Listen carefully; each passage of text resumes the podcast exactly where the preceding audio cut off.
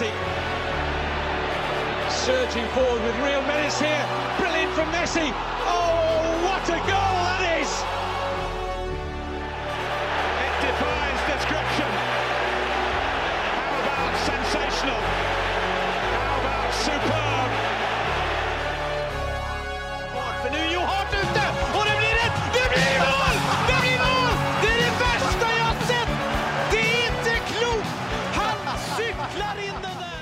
Ja da! Velkommen til episode 206 av den eh, brillefine podkasten 90 minutter. Og grunnen til jeg bruker eh, adjektivet brillefint, er eh, på grunn av vi hadde en eh, politiker som eh, sitter i baret. Vi kan begynne med gjesten vår, eh, Jørn Henland Skøyen. Stemmer. Ja, hyggelig at du kunne komme. Jo, takk. Dette er jeg gleder jeg meg skikkelig til. Ja, du har det, ja? Annonserte siste episode at Mats ikke skulle være med, så da tenkte jeg får vi bare slenge inn en kommentar om at man er ledig hvis det trengs. Det er nydelig, det er nydelig. Det er, det er nesten litt sånn som eh, Søren begynte i podkasten her, det. Var som gjest. Ja, det er sant, det. Så har vi Vi har ikke fått sparka han ut. han binder seg fast her hver uke. Men all kunnskapen din, Søren, den er nydelig å ha her, da. Ja, tusen takk for det. Ja, det, jeg er ikke helt enig i det. Nei, men. men, men grunnen til at jeg åpna sånn, da, var at eh, Brillefint. Bjørnar Moxnes. Jeg, jeg, jeg, jeg, ble, jeg har blitt helt fascinert av den saken der, jeg. Ja. Hvordan liksom man kan gå inn for å stjele, og så bli tatt, og så ikke kunne fortelle den Eller han forteller ikke sannheten engang. Han bare fortsetter og fortsetter og fortsetter. Til slutt så liksom sitter i det. Hva Jeg blir helt fra meg. Altså, når jeg, når jeg, jeg bruker briller, så når jeg kjøper briller, jeg går jo og betaler for dem. Ja, du gjør det. Så jeg er litt overraska at de endte opp i bagen hans sånn veldig tilfeldig når han skulle ut. Det, det skjer meg rimelig sjelden på diverse butikker òg, altså. Det Som regel går de gjennom kassa før de ender opp i bagen, altså. Nei, eh, fy Bjørnar, sier jeg bare. Skjerp deg, ass. Eh, men eh, vi er jo ikke noe politisk podkast. Jeg måtte bare få det ut av systemet, sånn at vi kan begynne ordentlig. Eh, veldig hyggelig å ha deg her, Jørn. Jo, takk for at jeg fikk komme. Jo, det, det du, du, var først ute. Det, det, det, kom et ras etter deg, ja, det faktisk. Ja, ja. Så det Det var voldsom eh, Hva heter det? Eh, det var voldsom eh, Trøkk. Trøkk, ja. Trøkk, det er bra ord. Trøkk etter at vi annonserte det der, der, så vi har nok av spirer som kan ta over her en gang, Søren. Ja, det er veldig hyggelig. ja. Men nå skal vi konsentrere Jo, vi har, vi har forresten hatt en lytter før. Geir Halvor Kleiva. Ja. Ja. Veldig bra, det òg. Ja, ja, han vant uh, fantasy uh, fantasy-ligaen vår, så han fikk lov å komme hit. Men han, uh, han reiste vel hit fra Møre. ja, det er dedikasjon, det. Ja, det, det, det er topp stemning. Så, men den episoden ble så lang at jeg tror vi kutta den i to. Ja, Vi hadde jo quizen først, ja, og, og den, tok... kom, den, kom, ut som en egen episode. den tok, jeg var så sliten, jeg. Så vi håper ikke at det varer så lenge denne gangen, men Jeg har ikke noe quiz. Nei, det er, det er, det er godt, faktisk. Men ja, du, fortell litt om deg sjøl, da. Ja, jeg heter Jørn, 29 år. Opprinnelig fra Nittedal. Oi, oi, oi! Ja, kortreist. Ja. Eh, bor nå på Strømmen med kone og barn og rekkehus og stasjonsvogn. eh, jobber i barnehage. Barnehagelærer. Eh, og ja, United- og Rosenborg-supporter. Ja. Det går bra for tida. Ja, det, du, du, har det fint, ja. Du har, du har tatt det motsatt Mats, du. Ja. Fordi. Mats er fra Strømmen, men har flytta til Nittedal. Ja. Og, og, og, og Jørn her er fra Nittedal og har flytta til Strømmen. Det det er artig. En reverse Mats på andre sida her. Det er kjekt, det. Ja, ja. Eh, men eh, fotballerfaringer, du, har du vært spiller, eller? Eh, jeg sto vel med én offisiell kamp for Nittedals A-lag. I en Ja. sånn Obos-cup 2017 eller noe. Ingen andre som kunne stille på høyrebekken. Så da, da, da gikk du inn. Ja, uh, så utenom det har det vært lite el- Det var elver fram til 13-14-årsalderen, og så var det andre ting som fenga mer. Ja. Og så spilt litt uh, sjuer og litt cageball og sånt, men ikke noe mer enn det. Fotball for gøy, med andre ord. Fotball for gøy. Men uh, supporter som lidenskap. Absolutt. Ja, Det er, eh, Det er godt å høre. mm, Apropos lidenskap, eh, Døpkern. eh, Åssen går det med deg? Jeg regner med du er relativt irritert etter eh, LSK mot Tromsø på Ja, det var han vilt uttrykt, men ja, det var jeg. Det er helt riktig. Det var, det var forferdelig. Åh, det var grusomt uh, på alle måter. Og så tenker man, og så tenker man jo Nå har det vært pause, og så har man utsatt en Ålesund-kamp som var helt riktig, med tanke på at Hedenstad Kristiansen var på U21-EM, at man hadde diverse småskader i troppen, at man hadde sikkert gått av noen treningsuker. Og så kommer man til året som blir møtt med det er ikke til altså, eh, Første 20 går var grei.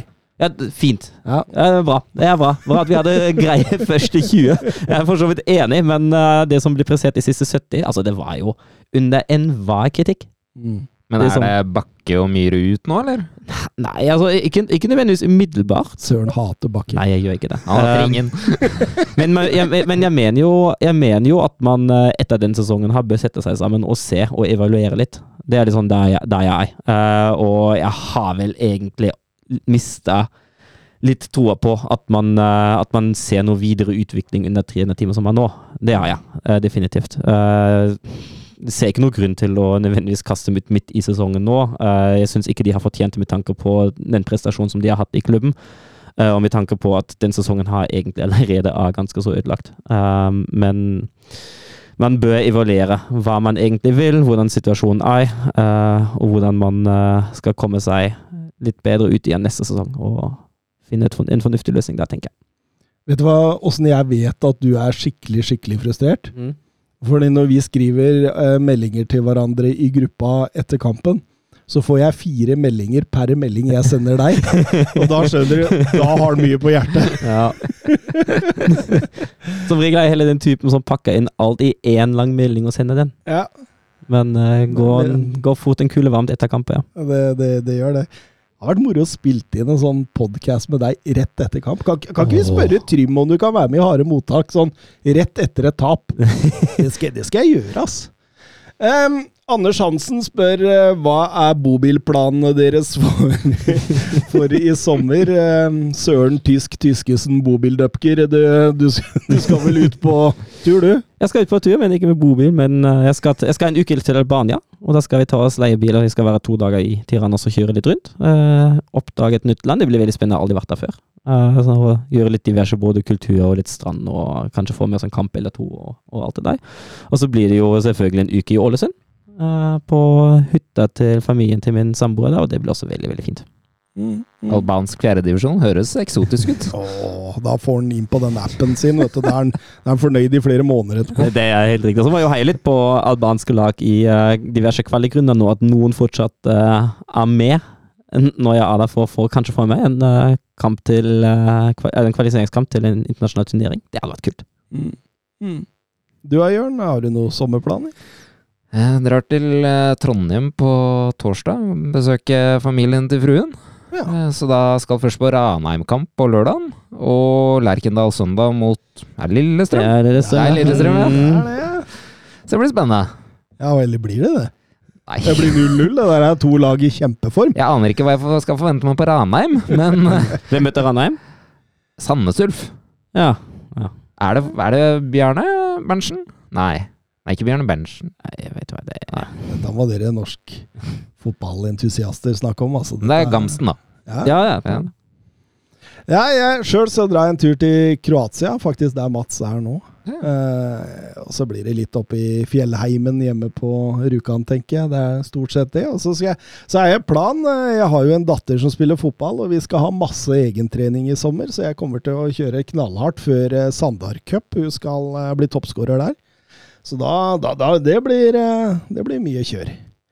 Um, Vebjørn Fredheim, hva tenker 90 minutter om the Wenger rule? Uh, tror dere det er fremtiden i fotballen hvis den innføres, og tror du Haaland vil skåre 100 mål i løpet av sesongen hvis den ja sånn cirka, ja. ja, The Wenger rule, den er, den, den er sånn at eh, hele kroppen må være over linja for at det skal bli blåst offside. Det skal, ja, det skal være avstand mellom offside-spilleren Ja. og forsvarsspilleren. Uh, og det vil jo forandre fotballen ganske kraftig.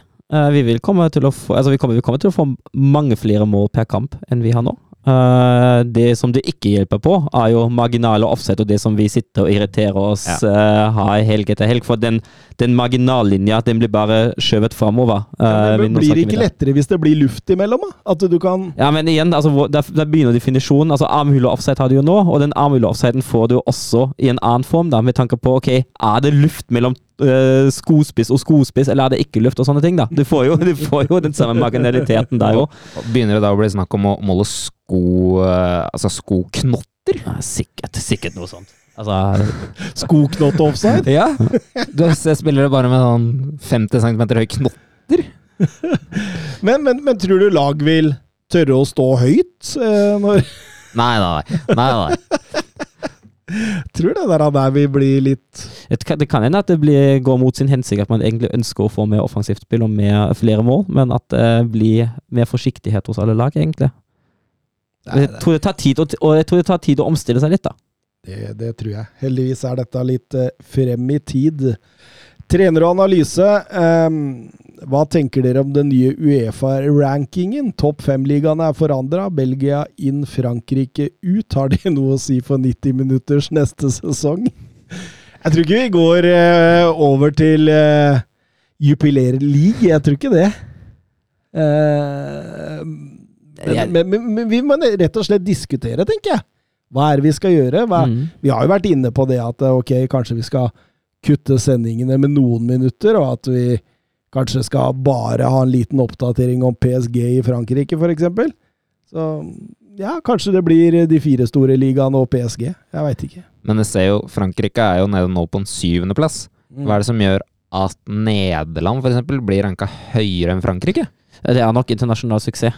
Og jeg tror, to noe som spiller inn der, er jo Conference League. At lagene kan komme langt når Conference League, og at Conference League gir jo like sum poeng som Europa League og Champions League. Uh, og da er det plutselig lag som har noen lag i Conference League som kan komme langt der, som kan samle gode poeng for koeffisienten.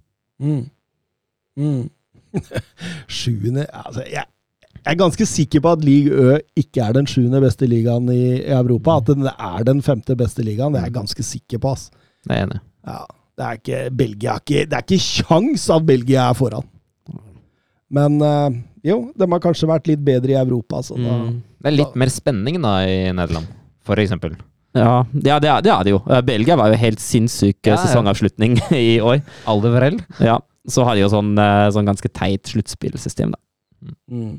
Du satt vel i fotball-TV og snakka om denne avslutninga ja, den, den var, jo, var jo helt enorm. Tenk å vinne sitt første seriegull på 66 år. Fire minutter på overtid. Ja, og det var vel tre forskjellige som ja. leda på overtid der? Ja, nesten, nesten altså, men i de siste ti minutter var det tre forskjellige serieledere. Ja. ja. Det er ganske sjukt, ass.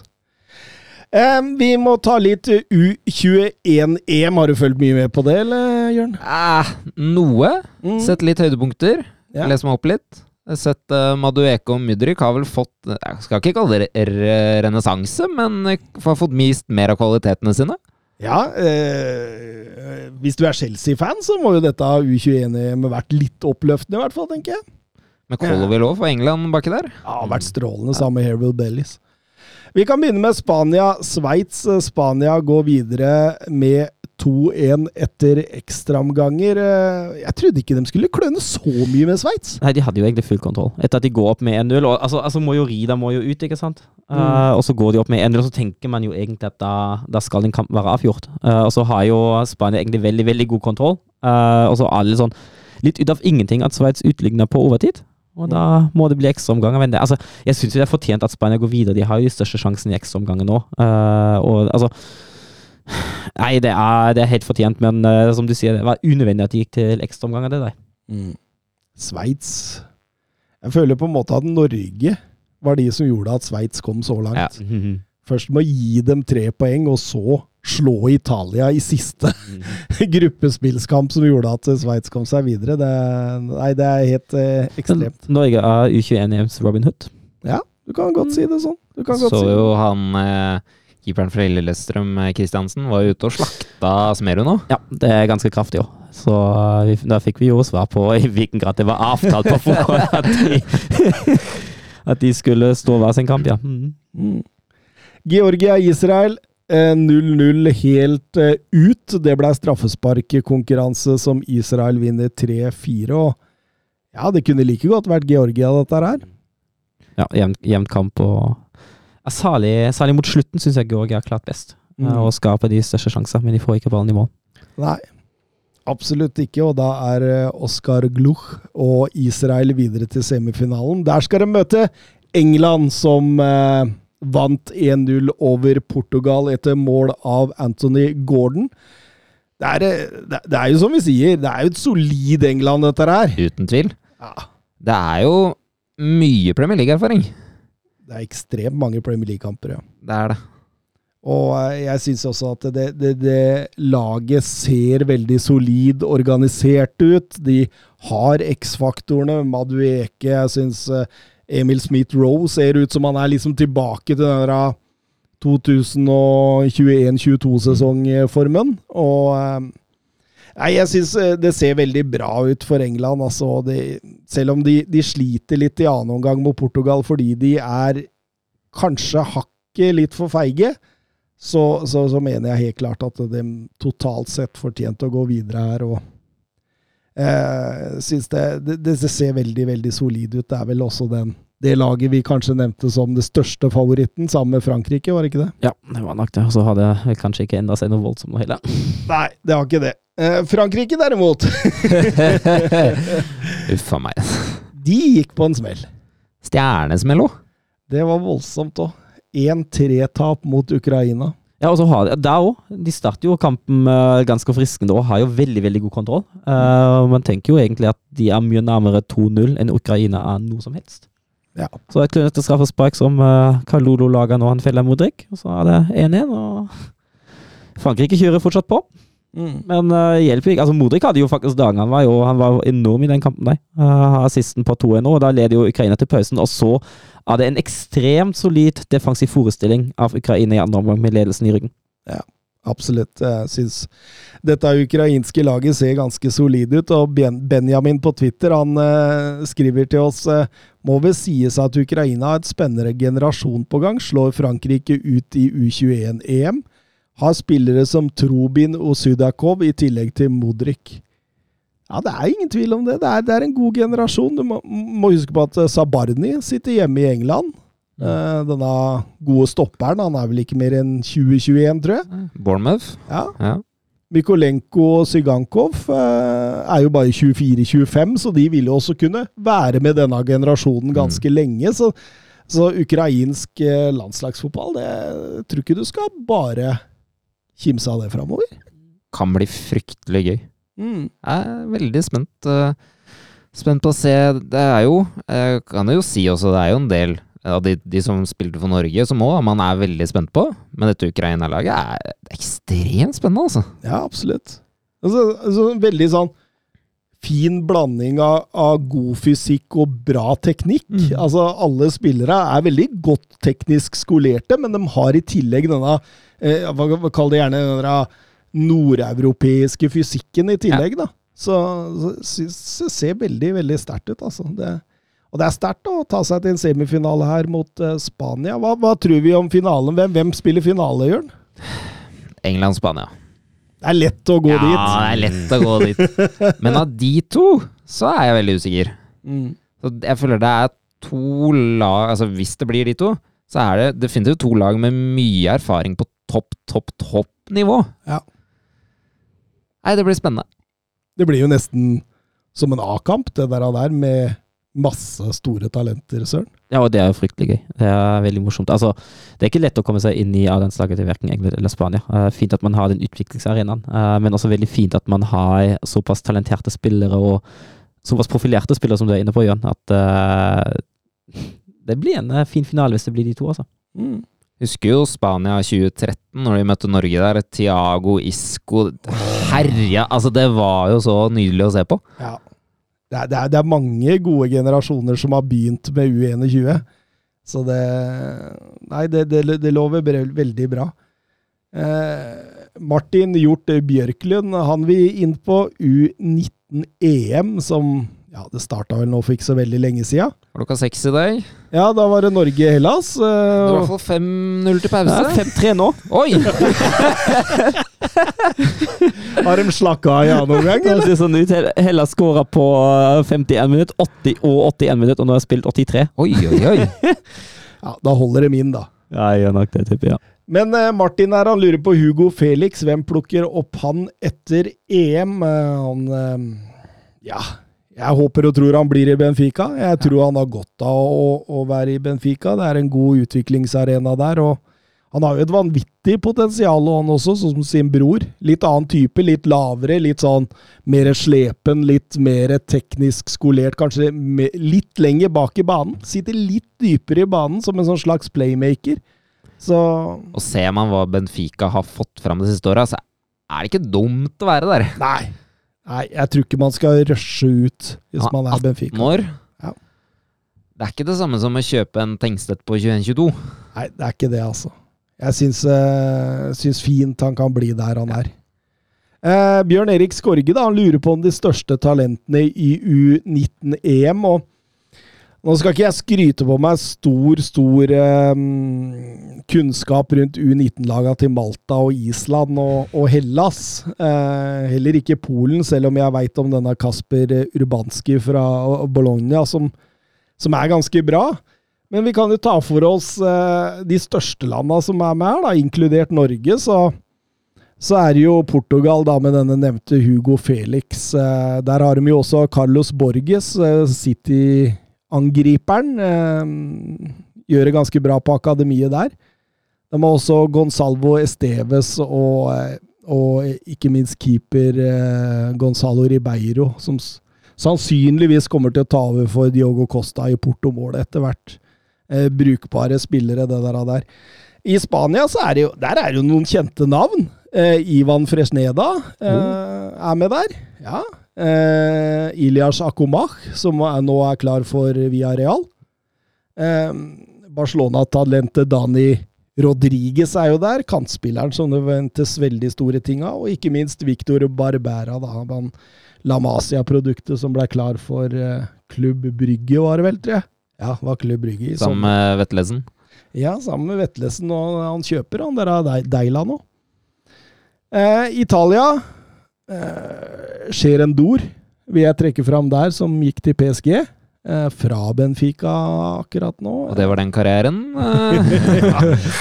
Når du er 18 år og går fra eh, Benfica til PSG, og du ikke har spilt en kamp for Benfica, hva tenker du da? Penger. penger. Ja. Saudi-Arabia er, det er ti år for tidlig. Samuele Vignato, eh, Monza-talentet, vil jeg trekke frem. Spissen. Eh, meget, meget bra. Og så har du denne Fabio Sciarodia, da, som er nettopp klar for Borussia München-Glavach. Ja, Stort tap for Vedar Brimle, det. I Norge Jeg så Roaldsøy var, eh, var med. Mm. Han gjør jo ganske bra i Atalanta. Ja. Men det er vel et svekka norsk lag, dette her? Ja. Skjeldrup, Nosa Var det ikke flere som ikke var med? Men hvorfor er det ikke med fordi bare fordi klubben har sagt nei? I Kjeldrups tilfelle har klubben sagt nei, hvis Ja. jeg har forstått det riktig. Ja, Årun Åren Hansen òg. ja, uh, det er jo ikke et offisielt uh, Uefa eh, internasjonalt vindu eller Fifa-vindu, uh, og da kan klubben nekte. Um, og i Nosas tilfelle var jo han eh, i aksjon for eh, U21-landslaget. Mm. Mm. Og Åren Hansen ble rykta at han skal være med på preseason med A-laget United. Mm. De starter nå opp neste uke, vel, og så skal spille mot Leeds. Og det er jo forståelig at han har lyst til å se på disse, Mm. men hvor mye det har å si det for spilletid fremover, er jo usikkert. Så kanskje det hadde vært bedre utstillingsvindu? Ja, og erfaringsvindu for all del. Ja. Uh, det, det å få altså Selv om det i anførselstegn bare er en ungdomsturnering, det å få være med på en internasjonal turnering og vite hvordan det er å være i en sånn landslagstropp, eh, og få med seg de ukene der man er på tur med oppkjøring og kampene og alt det der, det er en ganske unik erfaring i den alderen der, Mm. som uh, spillerne sikkert har veldig godt av. Helt, eh, helt klart, men så lenge vi vinner 5-4 eller 5-3 eller hva det er, så det er sikkert 5-4 Kanskje nå. jeg skårer nå, vi får se. Nei, fortsatt 5-3. Uh, to minutter igjen for offisiell. Dette drar dem i land. Eh, Finn Jørgen Halvorsen. Han skriver Jeg ble oppmerksom på Soboslai grunnet Thomas. Jeg har lært meg Soboslai gjennom Thomas. Jeg har fått meg en favoritt i Soboslai gjennom Thomas. Hvordan er det for Thomas å se han går til en rival av Spurs? Ja, det er tungt. Eh, Det er en spiller jeg gjerne kunne tenkt meg i Spurs. eh, Men kunne du tenkt deg, kunne du tenkt deg Spurs per dags dato for 70 millioner euro?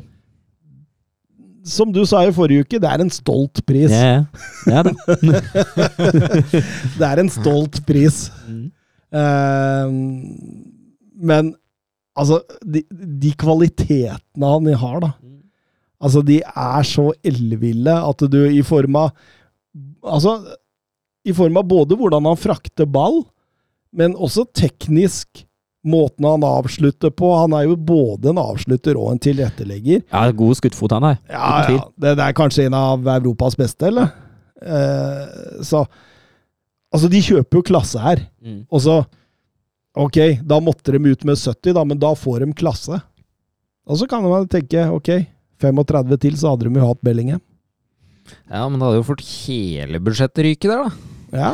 Ja, altså, altså, er jo, altså er jo greit. Bellingham koster jo nå 105 millioner euro, men det er jo en del bonusordninger der som kommer til å la, altså, drive den summen ganske kraftig oppover etter hvert. Mm. Og så vil kanskje Sabosalai ha litt Eller han krever ikke like mye lønn. Nei, det gjør han nok ikke. Jeg tipper jeg. Altså, Han får nok godt betalt av nå, Ja, ja, ja. uten tvil. Um, men uh, nei. Men, nei. Altså, Bellingham er én hull over. Og så er Bellingham engelsk. Ja, Det, altså, det er en stor fordel eh, med tanke på kvota du har, mm. men eh, det er stive priser for engelskmennene, ja altså. det er det. Men McAllister for 35, eh, Zoboslai for 70. Nå har de henta seg to indreløpere for ca. prisen av 100. Det er jo god butikk. Ja, det er det. Særlig, altså, særlig den McAllister-overgangen for 35 er jo glimrende butikk. Men eh, så Trent fortsetter som høyrebekk, ikke som Ja, vi- indreløper. Vi fikk et spørsmål fra Adrian Trømmernes om det, og jeg, jeg tenker jo det at eh, jeg, jeg vil ikke tro det fram til Klopp henter en etablert høyreback. Først da så vil jeg tenke at ok, her er det noe i det, men jeg tror han vil fortsette med denne innover eh, Altså den hybridløsninga. Altså, så, så jeg tror nok vi kommer til å se Trent Alexander Arnold mye inn i banen. Ja. Men, eh, men, men høyrebekken vil bli utgangsposisjonen. Jeg tror det. Mm. Men blir da Hvis han skal flytte inn, så blir jo fort Robertsen også liksom Han blir jo også flytta litt ned. Ja, ikke ha Robertson i fantasy neste år. Nei, og, og det funka ikke vel Altså, det funka bra for Trent, men det Mm. funka ikke bra for Robertson, for han så ikke veldig komfortabel ut med å spille en tredje midtstopper til tider. Nei. Ja, for får vi få se. Altså, nå har han jo en hel oppkjøring til å finne ut av dette her, så han kan jo bli spent om han klarer det. Men jeg er helt enig med deg. At uh, han, må, han må finne en god balanse mellom de to veldig offensive bekkene, og hvordan uh, man best kombinerer deres offensive ferdigheter, og dekker over i hvert fall de defensive svakheter til den ene. Men, men jeg hyller Sobos Live-avtalen. Ja, ja. Altså. Det, Altså måtte de jo være tidlig ute, for den utkjøpsklausulen den gikk jo ut midnatt natt til, eh, natt til lørdag. ja, den, den ble trigga sånn. Den, ja, ja, ja. ja, Det er derfor den kom så plutselig nå. Ja. Faksmaskinen funka i dette tilfellet. jo, det er det. Men Hadde den gått over den, altså kanskje de har blitt enige om 60 isteden. Nei, jeg tror ikke Leipzig hadde solgt. Det tror ikke jeg heller. Eh, Daniel Ødegaard, Lavia, Keprem Tyram eller Kone. Hvilken sekser bør Liverpool gå for? Tyram ble vel avkrefta i går, leste jeg. Ja. De er ikke med i det bildet lenger. Ja, og, og Kone har jo altså Jeg føler at det ansvaret som Altså, han har jo Han har jo vært heller en mer offensiv sekser. eh, og nå som de har henta to indreløpere, uh, så tenker jeg kanskje at Kone blir litt mer uaktuelt, for han har jo noen offensive kvaliteter òg. og det ansvaret i Altså Nå har de jo Fabinho òg, for all del, men hvis han skulle spille bak uh, Shoboslai og, og McAllister, så kan det fort bli litt i det mest voldsomme laget. Det blir klink i Romero Lavia. Det tenker jeg. Det bør egentlig det. Det får forum er- Arsenal-konkurranse, vet du. Er Fabinho helt ferdig? Tenker man det? Nei, han er vel ikke det, men altså eh, Hvis hvis de er villig til å by 50 på Romeo Lavia her, så tenker jeg jo det at uh, den begynner å altså, gå mot slutten, tenker Ja. jeg. Han har løpt sine meter de siste åra. Ja, han har det. Han ser eh, ikke ut som den spilleren han var for et par år siden. Men-. Kan han få en liten opptur med to nye indreløpere, da. Som faktisk orker å flytte beina, selv om det, er, det blir veldig offensivt hvis de to skal spille Mm. sammen som indreløpere. Ja, ja. Du, du må ha en sånn skikkelig støvsuger bak der sammen med dem. Altså det, liksom det, du ser jo stort sett alle treera i Europa som har fungert veldig bra, så har du én sånn klar balansespiller. Eh, ikke sånn Casemiro i Real Madrid, du hadde Busquets i Barcelona. Eh, man har Rodri i Manchester City. Du har, du har den balansespilleren, på en måte. da, det, eh, men, men likevel så har de jeg, jeg vil jo tro at den er ganske bra balansert med f.eks. Romeo Lavia, fordi han ligger jo bare og støvsuger. Mm. Mens, eh, mens eh, McAllister er jo mer en, en spiller som kan på en måte Han kan vandre både diagonalt og vertikalt litt mer, mens Soboslai er mer direkte. Så det er litt to forskjellige typer indreløpere òg, som jeg tror det, det skal kunne gå an å balansere ganske greit, altså. Men kan det da være en tanke at Trent skal inn som en slags bindeledd for Fabinho? At han ikke må ta hele det midtbaneområdet aleine når Liverpool angriper? Eh, ja, det tror jeg nok. At, eh, at det kan være en, en av løsningene Klopp ser på nå, om hvordan han Altså den, den frispillingsfasen og hvordan man skal sette i gang angrepet og sånt. og det jeg tror han fikk mye gode svar av Trent på den posisjonen uh, forrige sesong. Og så tror jeg han fortsatt sitter og lurer litt på hva skal man gjøre med Robertson, som du var litt Ja. inne på i stad. Uh, fordi det er, det er en kunst å løse den type eh, backspill også. Det er ikke bare eh, Trent Alexander, Arnold, eh, på en måte rollen som er vanskelig. Det er også vanskelig og det å Når skal man gå inn? Når skal man kunne gå? Skal man kunne gå i det hele tatt? Eh, den balansegangen der, som for eksempel Jeg tror de ser veldig godt i Josco Guardiol, da. At det er derfor eh, Mm. Pep Guardiola vil ha han til City. Men eh, Og det var vel den rollen Ake også har løst veldig bra. ja, ja. Som en Absolutt. hybrid mellom midtstopper og venstreback. Ja, ja, absolutt. Og, og til dels også Ben Davies i Tottenham har Mm. faktisk gjort den jobben ganske bra. Eh, men det ligger ikke til alle, tror jeg. I hvert fall ikke en så offensiv back som eh, Andy Robertson. Um, Torjus Hansen. Uh, var jo snakk om salg av Liverpool for en stund siden. Hva er status rundt dette nå? Det er vel Dødt. Ja, det er vel helt dødt. Jeg tror FSG har vel sagt det at vi kan på sikt selge eier, eierandeler, men at det, det er liksom ikke noe å selge en hel klubb nå, så da tror jeg vi kan legge den død. Eh, Vi snakka litt om Guardiol. Mm. Han er på vei til City, han, Søren. Ja, fortsatt, ja. Han er fortsatt på vei. Han har fortsatt ikke kommet fram. Men uh, tipper at han havna der til slutt, ja. Mm. Det er overgangsvinduet. Og det, det er jo et ekstremt godt kjøp for City. Uh, igjen uh, ganske mye penger som brukes der. Og begynner å nærme seg litt katastrofe for Leipzig der, altså. Det gjør det. Fire store Mm. spillere på vei eller har gått ut, Jørn. Det er mye på en gang. Fire rene startere. Mm. Ja, da har vi Nkunku, Guardiol, Limer og Saboslai. Ja. Hvem skal inn der? Ja, Det er et godt spørsmål. De har nå en, eh, en ganske stor jobb å gjøre. Uh, Ebal, var nå, sportssjefen, var nå ute og beroliget fansen at det kommer noen inn. Eh, fordi supporterne sier jo det samme som vi sier nå, at uh, her er det fire som har båret det laget.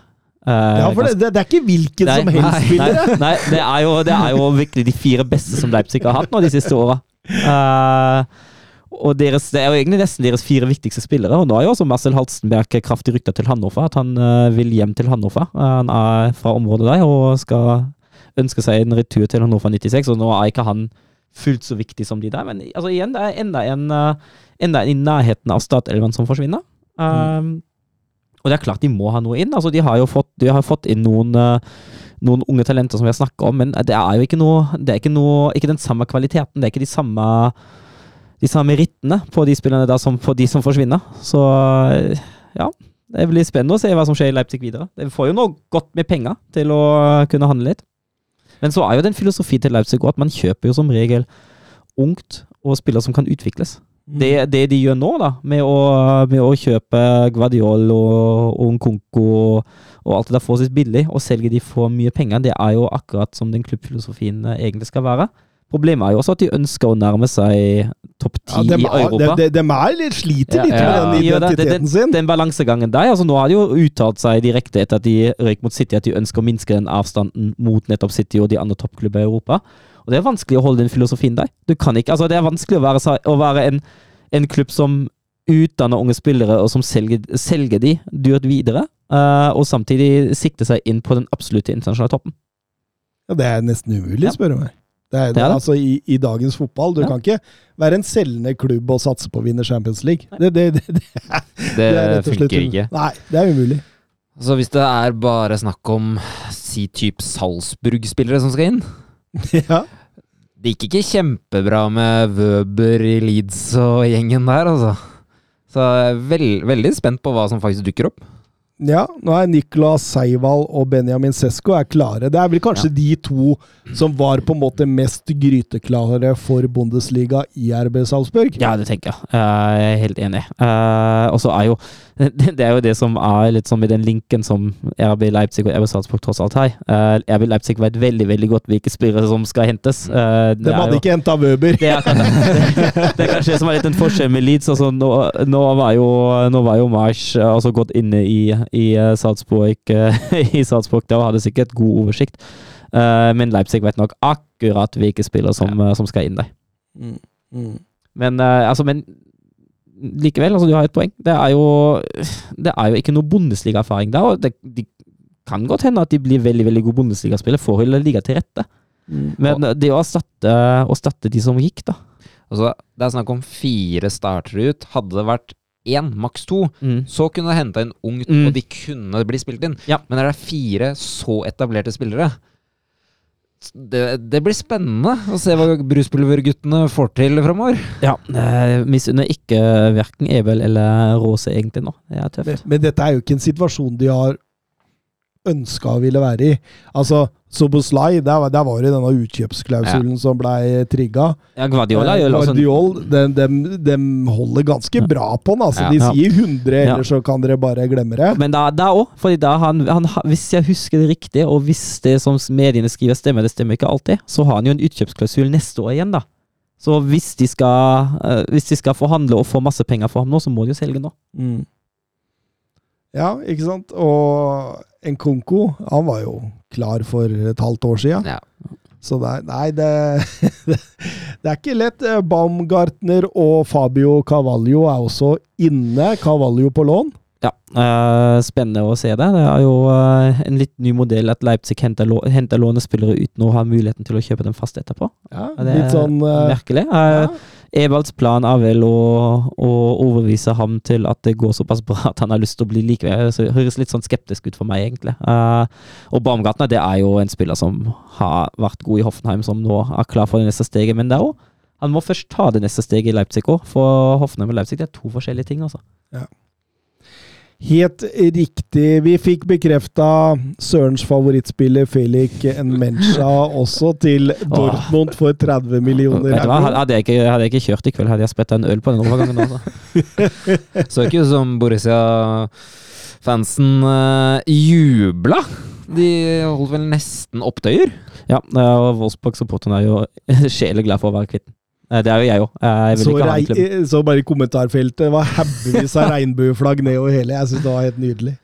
Ja, ah, nei, altså, vi har jo vært inne på det. Det er jo altså Egentlig alt sagt. Uh, sportslig, ja. Det, det er jo et tap. Det er jo en god fotballspiller, en spiller som har blitt landslagsspiller, selv om det begrepet vannes nå litt ut i Tyskland under Hansi Flick. Men eh, det får så være. Alle blir landslagsspillere under Hansi Flick. Ja, han tester i hvert fall godt. Men ehm, jeg har vært god på U21 nå, for all del. uh, men når det utenomsportslige er det som det er, når en person opptrer såpass uh, transfob og homofob i sosiale medier, uh, så kan være så god han bare vil sportslig, så vil jeg bare ha han vekk. Eh, jeg sa i forrige episode at jeg var fornøyd med 20 millioner, nå blir det 30. Eh, det er et eh, veldig veldig godt salg av passasjefer til deg. Så eh, helt fint, good riddance. Håper at jeg aldri trenger å se ham i Wolfsburg-drakt igjen. Jeg vil ikke, vil ikke at min klubb assosieres med ham. Men hva, hva kan Dortmund forvente seg, fansen, nå som de er så misfornøyd? Hva skal til for at de faktisk blir fornøyd med ham? Ja, det er Det, godt du starter på vanvittig minus. Ja, altså, altså er jo, altså det er jo problemet vi har, vi har vært inne på det forrige episode. Det er jo det samme at han er jo de der ekstremt erkekonservative, eh, reaksjonære, eh, religiøs, fundamentalistiske verdiene som han har. da. Og så sitter han der, og alle vet jo om det, og alle vet at det, det er en del av problemet. Mm. Uh, og så sitter han der og har det gedigne uh, korssmykket som han holder i kammeret. Det er ikke akkurat det eskalasjon fra hans side heller, da. Eh, jeg tror egentlig det som må til, er at han, at han slutter å poste sånne ting. Uh, at, han, at han rett og slett slutter, uh, og kanskje også at han uh, begynner å oppføre seg som en, som en fornuftig person. Eh, og så eh, Nei, det Altså, hvis han fortsetter med det, kan han prestere så bra han bare vil på banen. Jeg kommer supporterne aldri til å, til å like det der, altså. Men eh, sett bort fra hans eh, private eh, angivelser eh, Han eh, det, er, det er typisk Dortmund-kjøp. Det er jo det. Ungt og tysk. Jeg har blitt flere av de nå i det siste. Slåttabekk og Adeyemi er jo to andre gode eksempler på det der. Fortsatt, eh, fortsatt utviklingspotensial, men uh, samtidig har han bevist i Bundesliga at han, er, at han har nivået inne, at han er en god spiller. Uh, For ham handler jo om å, om å prestere oftere på et høyt nivå, om å være stabil i prestasjonene sine og om å heve bunnivået. Eh, For når han er bra, er han ordentlig bra. Men, men hvor er han best? Altså absolutt best? For jeg, han har jo vandra litt og Mm. blitt satt litt i forskjellige posisjoner. Jeg, jeg syns egentlig den indreløperrollen kler ham ganske godt. Mm. Uh, en av de to indreløperne. Uh, han er Så kunne nesten være en Bellingham-erstatter. Ja, han er, han er ikke fullt så toveis, syns jeg. Eh, og så er han Han er kanskje litt Han har kanskje litt mindre oversikt og eh, at passing Altså, det, det er klaging på høyt nivå, da. Han har jo en god passingsfot, han òg, men uh,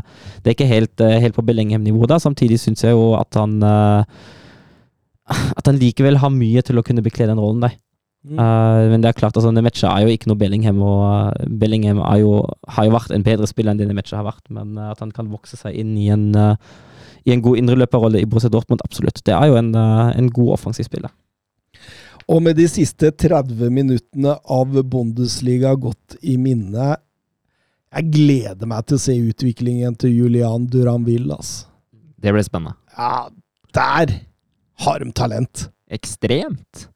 Ja, det Altså, det, det, det minner meg litt om liksom første gang man så Jaden Sancho i, i eh, Dortmund. Altså, det er Det er så ekstremt, og jeg bare håper han nå får masse tid.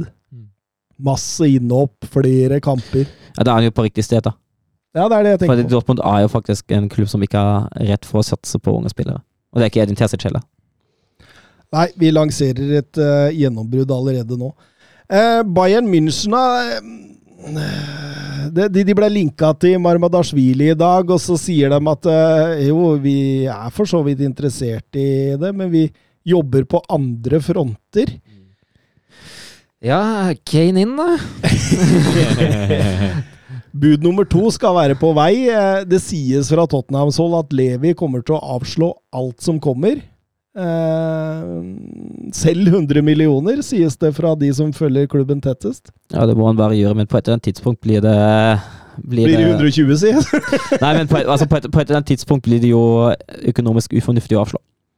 Ja, hvis ikke de har en plan om å få han til å skrive under et nytt år, da. Ja, da, da skal de være rimelig sikre på at han gjør det. Ja. Uh, for hvis man tenker at man har eh, kanskje en 40-50% sjanse på å gjøre det, da er det ikke verdt det. Altså, det er ikke så lenge siden Kane var på vei til City. Altså at han prøvde å tvinge gjennom. To år. Eh, greit, det er litt annet med Bayern. Det er ikke samme land. Uh, og du, han vet at er, han kommer til å vinne titler der òg.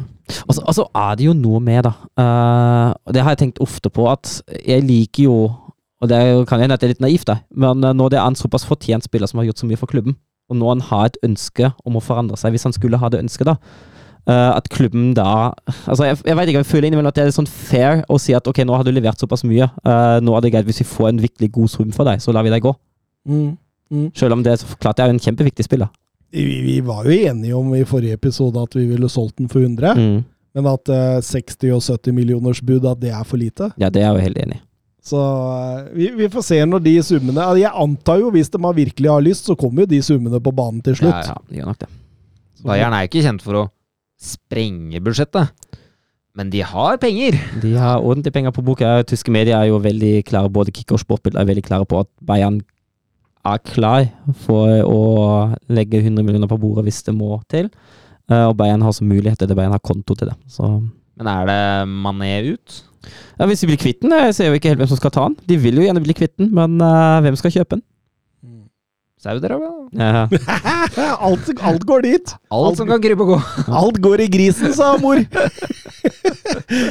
Men Tuchel han skal jo få ganske frie hender nå på å plukke et mesterlag nå. Det virker som på en måte han han får mye ansvar nå. Ja, han har veldig mye å si. Han, de har jo, de har jo en sånn Altså, de har ikke henta inn en ny sportssjef etter godeste Bratzo. Men uh, de har nå danna en sånn overgangsgruppe, kan man nesten kalle det, med både Hønes og Rummenigge involvert, uh, og blant annet også Torhild. og Torhild har veldig stor innflytelse på den gruppa der. Og da, det, er veld, det er sikkert veldig fint for ham, men da har han ingen unnskyldninger neste sesong heller. Det er nå, nå blir det virkelig en tropp som han har vært veldig involvert i å sette sammen, og da må han levere. Jobber visst mot å få Pierre Emil Høibjerg også. Og det er jo, det er jo, det er jo akkurat den, den sekseren-typen som, man kan tenke- som man kan tenke Bayern trenger, og han var jo i Bayern før. Ja, og det sies at Postekoglu At han ikke passer helt hans type spill, så da kan jo det være Fucker de med Kane, da? Her kommer Pierre Emil Høibjerg inn sløyfa i Harry Kane. Ja. Mané i retur? Uff, den er fæl, faktisk. Nei da, Mané hadde sikkert levert, han. I noen sesonger. Det tror jeg nok. Men hvis de hadde fått solgt Mané, hvilken klubb ser man for seg at han faktisk hadde passa inn i? Altså, det, Må jo være en 4-3-3-klubb. Ja. og så må, det være- så må det være en klubb der han tenker at nå vil han spille. Eh, for jeg, jeg mener jo at det står ikke på ferdighetene, for han er jo en god fotballspiller. Uh, men jeg mener at det står mest på motivasjon nå. At han, han ser virkelig mett ut, altså. Mm. Han ser ut som at uh, nå har han vunnet så mye at nå er det litt sånn ja. Skriker det ikke Saudi-Arabia? Jo, det er jo det det gjør.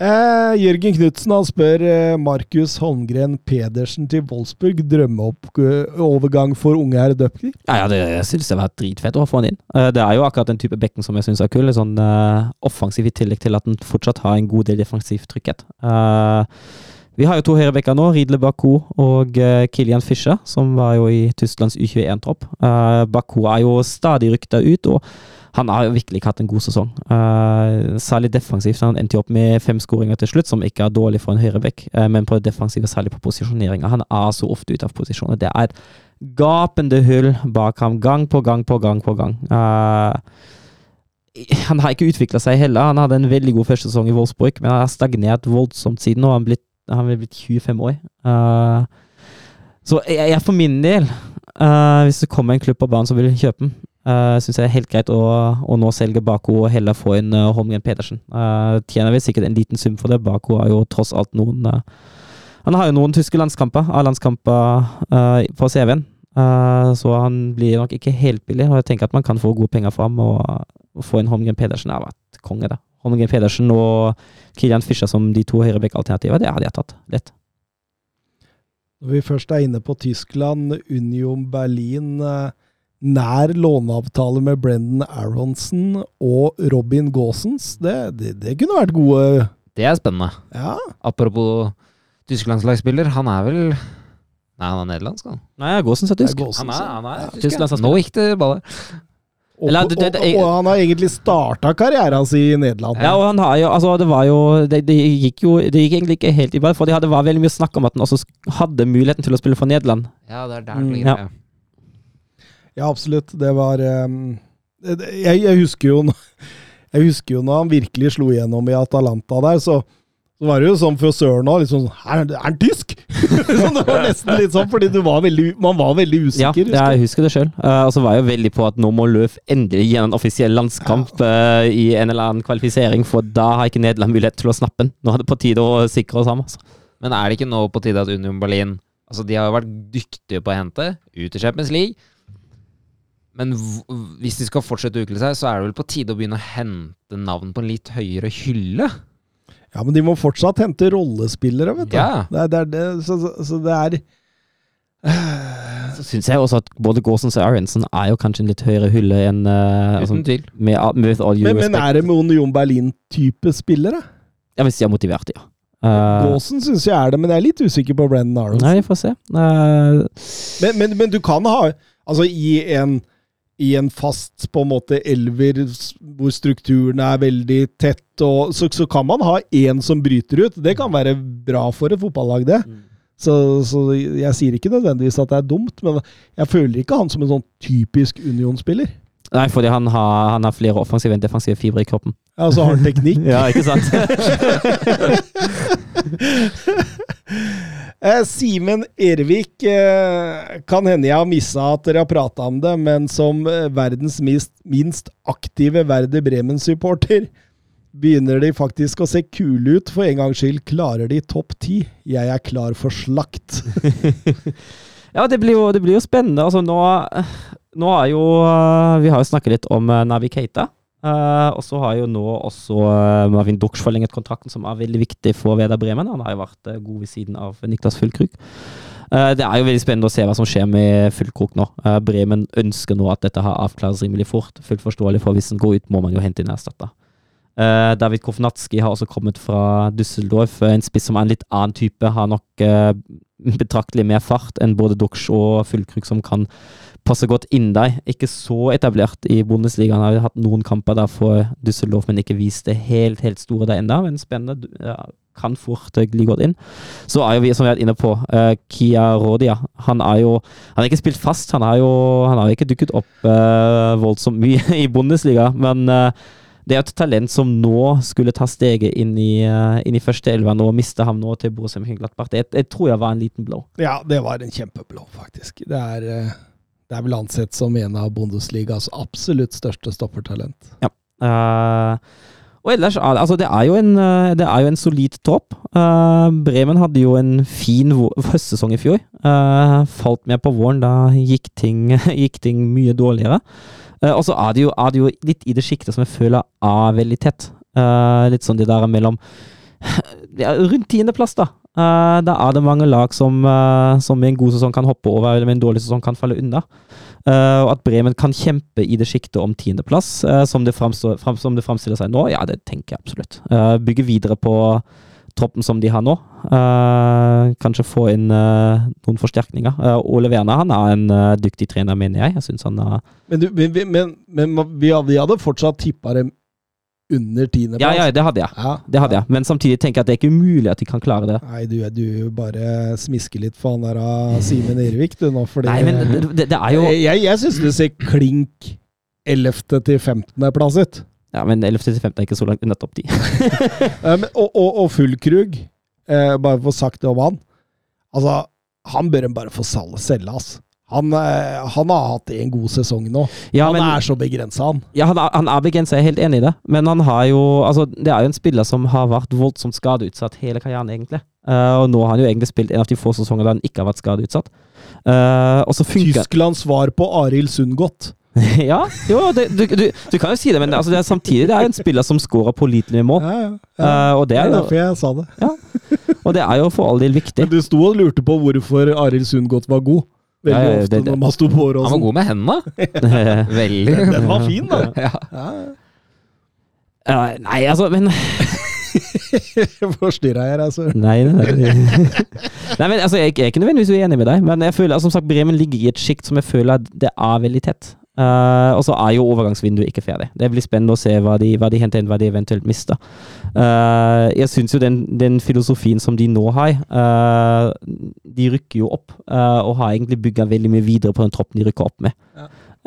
Og det har jo vist seg å fungere ganske bra. Nå var jo våren litt dårlig for all del. Uh, gikk jo bra til slutt. Men jeg syns på sitt beste har Brem sett veldig bra ut forrige sesong. Uh, særlig utover høsten. Og hvis man kan komme seg dit igjen, da. Eh, at man vekker det der litt til live og utvikler de spillerne og den samhørigheten. Fordi Ole Werners fotball er nok veldig mye basert på, uh, på at spillerne kan rollene sine. Det er et lag som går ut på deg, det er ikke individer. Eh, så tror jeg det kan Det kan bli en grei sesong. Men jeg er enig med deg at akkurat nå ligger de et sted rundt 11-12. Men det, er ikke, det er ikke langt unna 10. 13-14. Det det er ikke langt unna 10, altså. Kanskje Nei, så, så langt ned hadde jeg ikke satt dem. Nei, nei veit du hva. Så langt ned hadde jeg ikke satt dem. Nei, nei, nei. Nå, Jørn. Mason Mount. Er du fornøyd? Ja, hvis faksmaskinen ikke streiker uh, Altså, Ja, Uh, men jeg tror jeg sier som ganske mange andre supportere, ville ikke ha begynt der. Mm. Eh, United trenger keeper, de trenger spiss, og de trenger en midtbanespiller. Mm. Eh, jeg har forsvart blant annet David Egea kjempelenge. Men ser man måten Den Haag ønsker nå å spille fotball på, eh, så er en ny keeper prioritert én. Men jeg skjønner at uh, Mount blir henta inn. Mm. For hvis man skal over i en type 4-3-3, hvor ja, Fernandes får vel en slags fri, litt fri rolle, men må jobbe litt defensivt. Mount er jo perfekt ved siden av sånn sett Casemiro. Mm.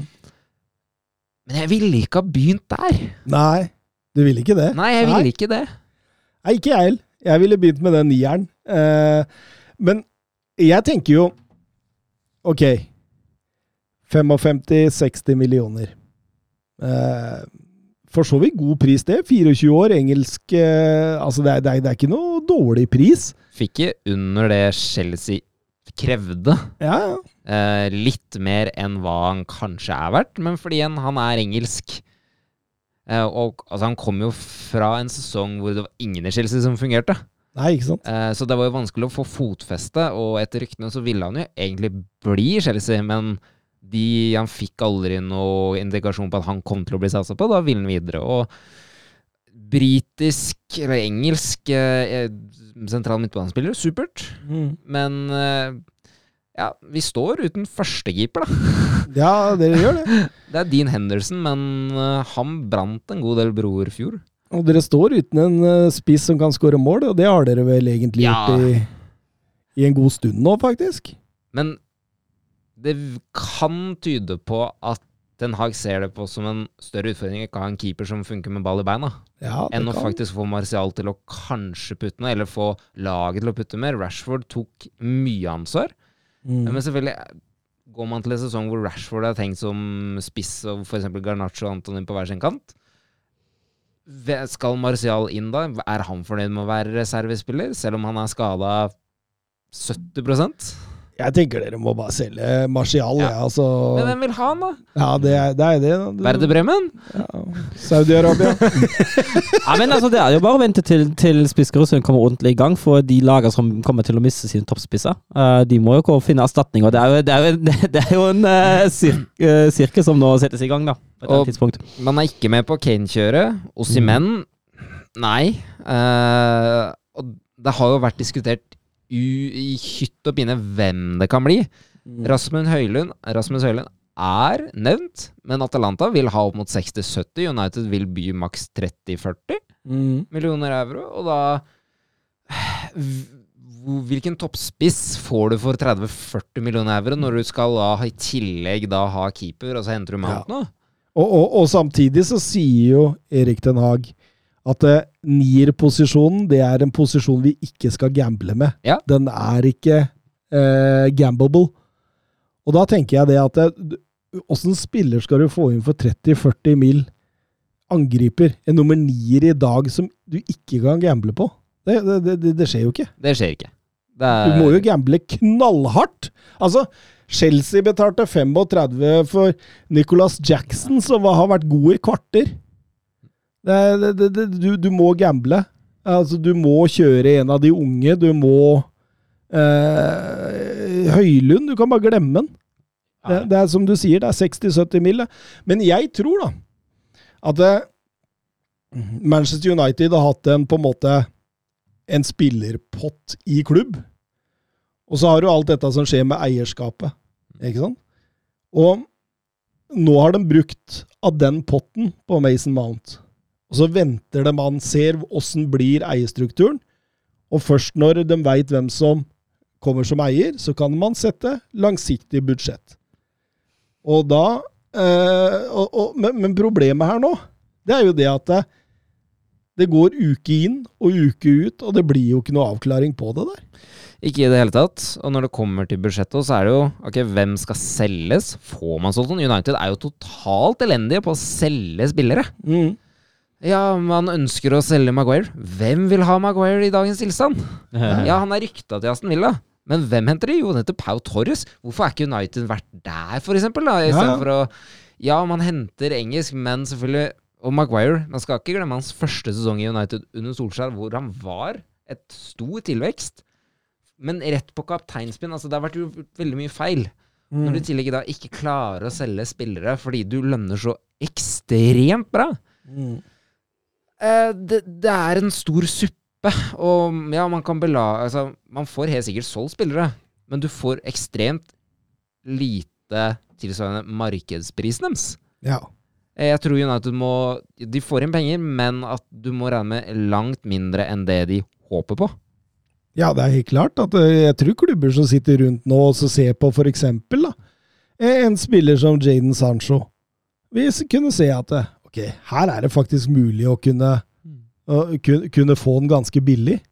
Eh, og, og, og det samme gjelder for flere av de andre United-spillere. Hvis man vil ha eksempel en Scott McTominay i dag, da, så tror jeg man kan få han for 25-30 i hvert fall.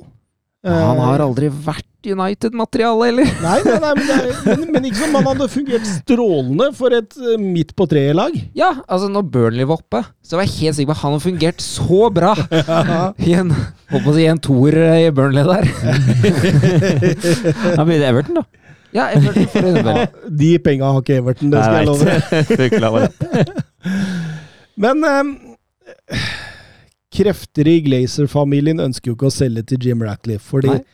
det blir ikke nok penger igjen til samtlige seks. Det er jo Joel og, og denne Avram som styrer det, men så er det fire andre som sitter på, på, på poster her.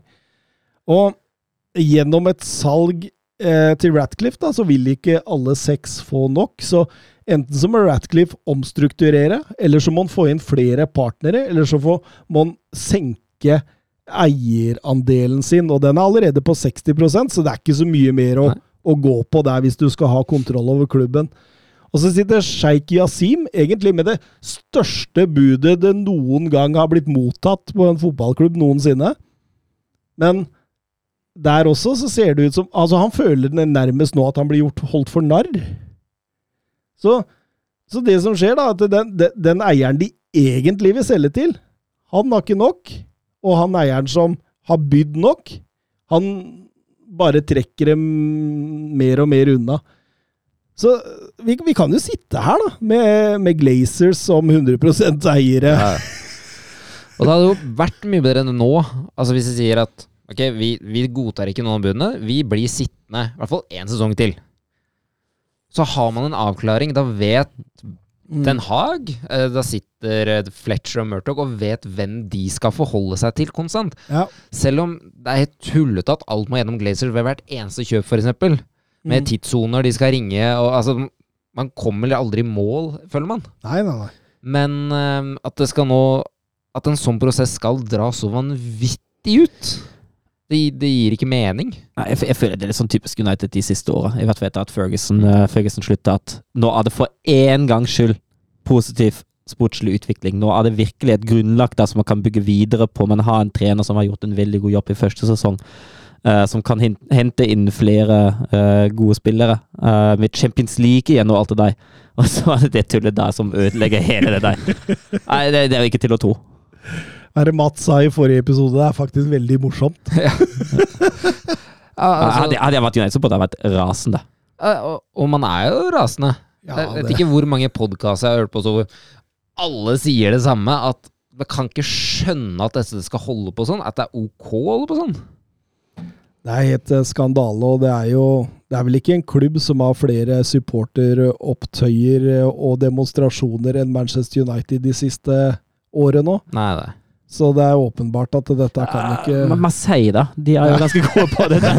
Ja, men nå har Marseille, har vært ganske rolig nå den siste tida. Ja. Det det er en stund siden treningsanlegget der ble satt fyr på. Det også var gøy. Men eh, Petter Alseth skriver her ligger i kortene at eh, Onana blir ny United-keeper, og jeg er enig i det dere snakket om i siste episode, at Onana allerede burde vært på Old Trafford med god klubbdrift. Men når det først blei så feil, da, er Onana det riktige valget hvis man skal betale 50-60? Hva er prisen på Kosta? Eh, 60-70, tror jeg. Er det utkjøpsklausul på han? Nei. Nei. Det er eh, Altså, Jeg vil på en måte likestille de to. Eh, Ten Hag kjenner Onana ut og inn, vet alle kvalitetene hans, så det er vel en grunn for da at det er Onana det snakkes om, og ikke Diego Costa. Mm. Men med tanke på han kom gratis til Inter for et år siden. Ja. Eh, Det er gode penger, penger tjent av Inter, men igjen, hvis de skal selge Onana De har ikke noe klar førstekeeper igjen, så skjønner jo at de vil ha ut så mye penger som mulig. Og så er det United, notorisk kjent for å ha mye penger, som fulle sjømenn. Men eh, om det er en reell pris for han, eller hvis f.eks. en tysk klubb skulle hente han, at man da legger på mer i prisen fordi det er en engelsk klubb? Det, det gjør man nok. Det, det, det var en sportsdirektør i, eh, i Mainz for noen år siden som sa vi har egentlig, når vi selger en spiller Det var i forbindelse med motorsalget til Newcastle, som gikk for, også på den tida ganske mye penger. Da sa han jo nei, vi har jo to priser. Vi har jo én pris for Premier League-klubber og én pris for alle andre. Ja. Det er nok eh, Alle vet jo at Premier League har penger, og da prøver de å melke så mye som mulig. Jeg tenker Inter må jo sitte og le seg i hjel. Her, her, her får de kasta Lukaku etter seg i Premier League, og nå skal Manchester United ha keeperen deres for 60 millioner euro, som de kunne fått gratis i fjor sommer. Altså, de, de, de må jo tenke hva faen er det de driver med bort på Balløya der, liksom? Ja, de henta jo Darmian. Altså For Slikko ingenting. Han spilte finale i CL. Ja, han har vært bra, han. Han har Altså, vært bra han som høyre wingback. og de, de, ja, de må le seg i hjel og skjønne altså, Og nå er det jo da snakk om forhandlinger med f.eks. Lukaku igjen. da.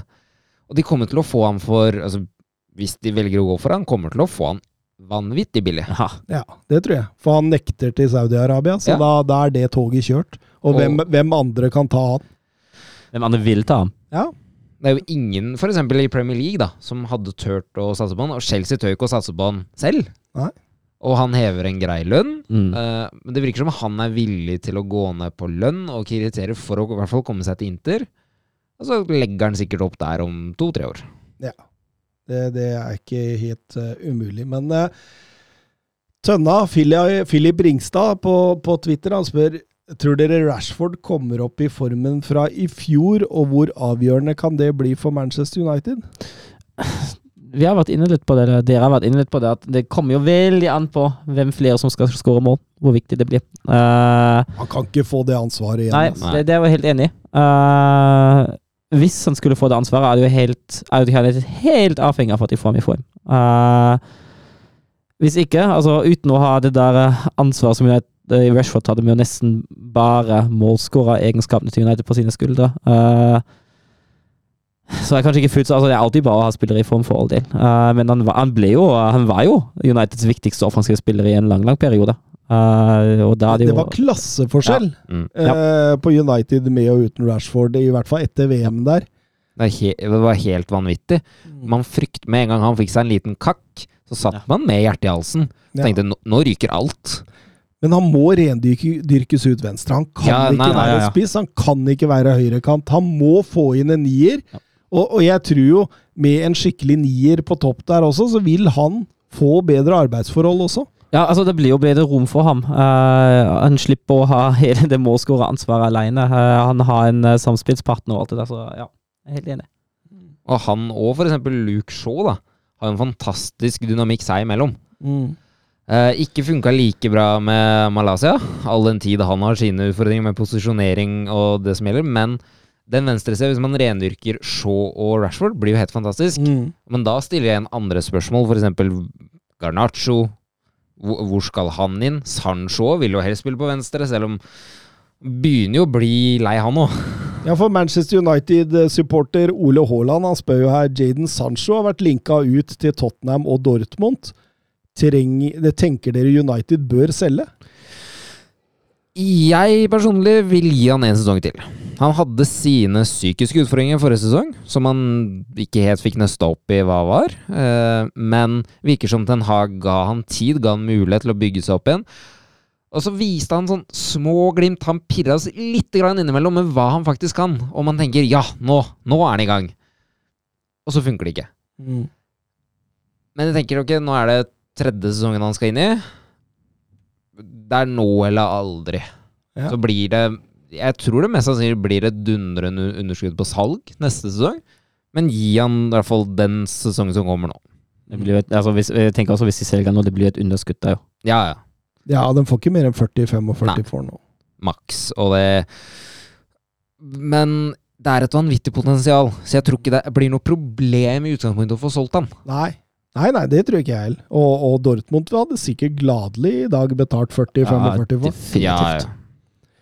Eh, Jonathan Hobber, Mason Greenwood eh, kommer tilbake i fotballen igjen, kan det virke som. Blir det som A. Manchester United-spiller. B. Roma-spiller. C. Tyrkia et sted. D. Saudi-Arabia. D. Du ønsker den til det. Nå hørte jeg Mourinho hadde ringt den. Bare for å gjøre det der Dart Wader-stempelet sitt enda, enda mørkere. Kom til Roma! hvem Altså, ok, anklagen er droppet, men han kommer til å ha det ved seg helt til han bestemmer seg for ikke å holde på med fotball lenger. Så han kommer til å ha det resten av livet, men Fotballens Bjørnar Moxnes. Ja. Det kommer, altså Bjørnar Moxnes kommer ikke til å kunne ta på seg solbriller noen gang! altså Og det er liksom med Greenwood, da. Han, altså, han skal ha barn med den han angivelig har blitt tilkalt av. Så eh, skal han ha en fotballfremtid uten å måtte se seg over skulderen, uten å bli pipet på, uten å altså, ha det bra med seg selv rent sy... Altså bra og bra, men i hvert fall kunne håndtere det psykiske, da er det Saudi-Arabia. Mm. Det, det, det ser ikke noen andre alternativer. Nei, der er de nok eh, skruppelløse nok til å, å overse det, søren. Ja, det tipper jeg da, de er. Det er De har jo et kvinnesyn som Ja, det, det er jo helt grusomt. Ja, og helt katastrofe. Og, ja. Men hva sier det om Mourinho, du som er så glad i han, søren? Eh, Nei, du, du har sagt alt. Darth, Darth Vader var en fin fin sammenligning, det der. Nei, det Nei, det, du, du er jo inne på det. Han er jo ikke dømt. Og så lenge du ikke er dømt, så på en måte Men for Manchester United, jeg tror det er umulig. Det er omdømmet Ja. her. Og det er, det er ikke kjangs. Og én ting er at hva supportere tenker, men sponsorer Mm. de, Det er rykta at det er veldig mange som kommer til å trekke seg ut av United hvis han setter sin fot Ja. igjen bare på treningsfeltet. Ja. Og så er det jo f.eks. et kvinnelag her. Ja, det, det er en litt annen kategori, sånn, men de kommer også til å si tydelig fra, tror jeg, hvis han plutselig kommer tilbake og United tar han inn igjen. Men som sagt, han er ikke dømt. Men dette kommer til å være med han resten av livet. Ja, og så har vi alle sett video av at uh, selv om han ikke er dømt, så har det sannsynligvis skjedd noe Ja, der. ja.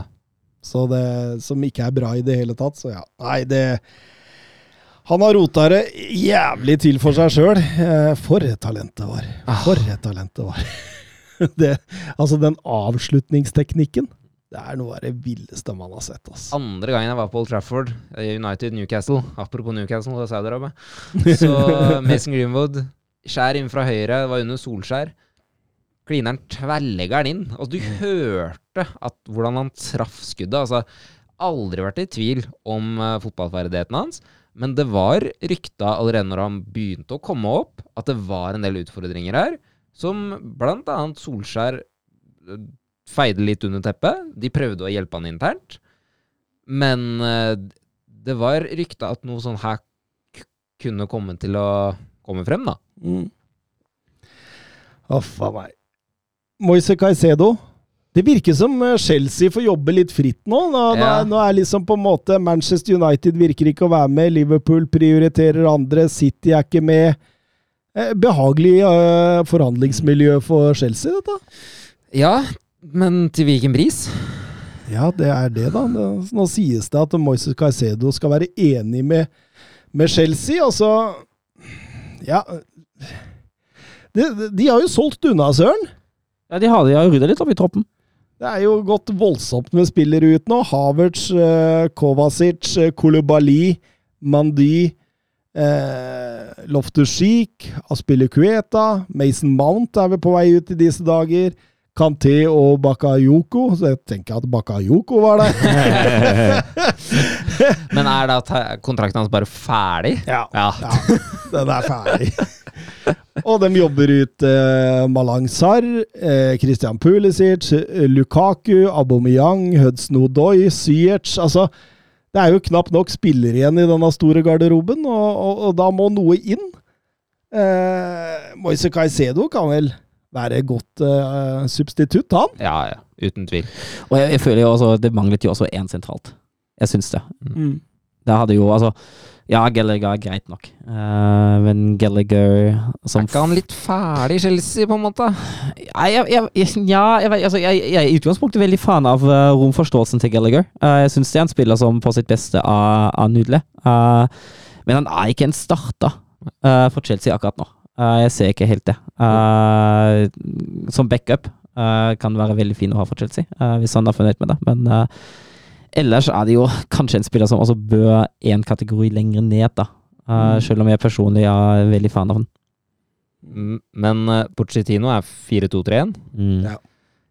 Hvor skal du få inn Gallagher? Nei, det er jo backupen til Enzo Fernandes, da, tenker Ja. jeg. Det tenker jeg også veldig fort kan være. Eh, det ser ut som de er ganske nært den brasilianske duoen Angelo Gabriel og Mateus Franca nå. To supertalenter. Eh, de henta inn Diego Moreira, eh, kantspiller fra eh, Benfica i forrige uke. Og det, det- altså dette laget her nå, det har så mye talent. Og, og det, jeg tenker jo det går litt opp, da, med det at Pochettino skulle lede dette her, som er på en måte en mann som klarer å bygge et lag, forvalte talent.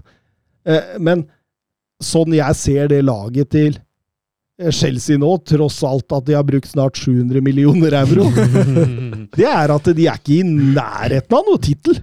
Nei, nei.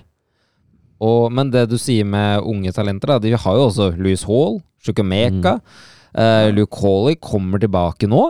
Han spilte ganske så solide Brighton. Ja, ja. Det er mye talent, men er Kepa en god nok førstekeeper? Ja, det er det, det, er det da. Hvem skal skåre mål? Altså, Det Niklas det- det- Jackson, Niklas Jackson er jo et kjempeutropstegn. Ja. Ja, ja. Det, er- det, det, det fins masse spørsmålstegn her, og det fins masse spørsmålstegn i en veldig ung og urutinert stall. Ja. Så, og, og jeg tenker jo det at eh, ok, det er, det er så mye talent i laget at hvis Pochettino får tid, og, og, og laget tar seg tid, så vil den bli ekstremt bra om to-tre år. Men, men sånn det er nå, altså jeg, jeg, jeg tror kanskje de kan slite Champions League, altså. Men sa man ikke akkurat det samme om Potter òg? Bare han får tid. Ja. Selv om det er nok vanskeligere å sparke Pochettino etter en tøff periode. Men Bowley, han er en løs kanon! Han er det.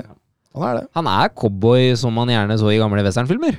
Ja, og han har jo henta inn Du, du, er, du sier jo det. De, han har jo hentet inn akkurat samme trenertype som har sparket som han ikke har tålmodighet med.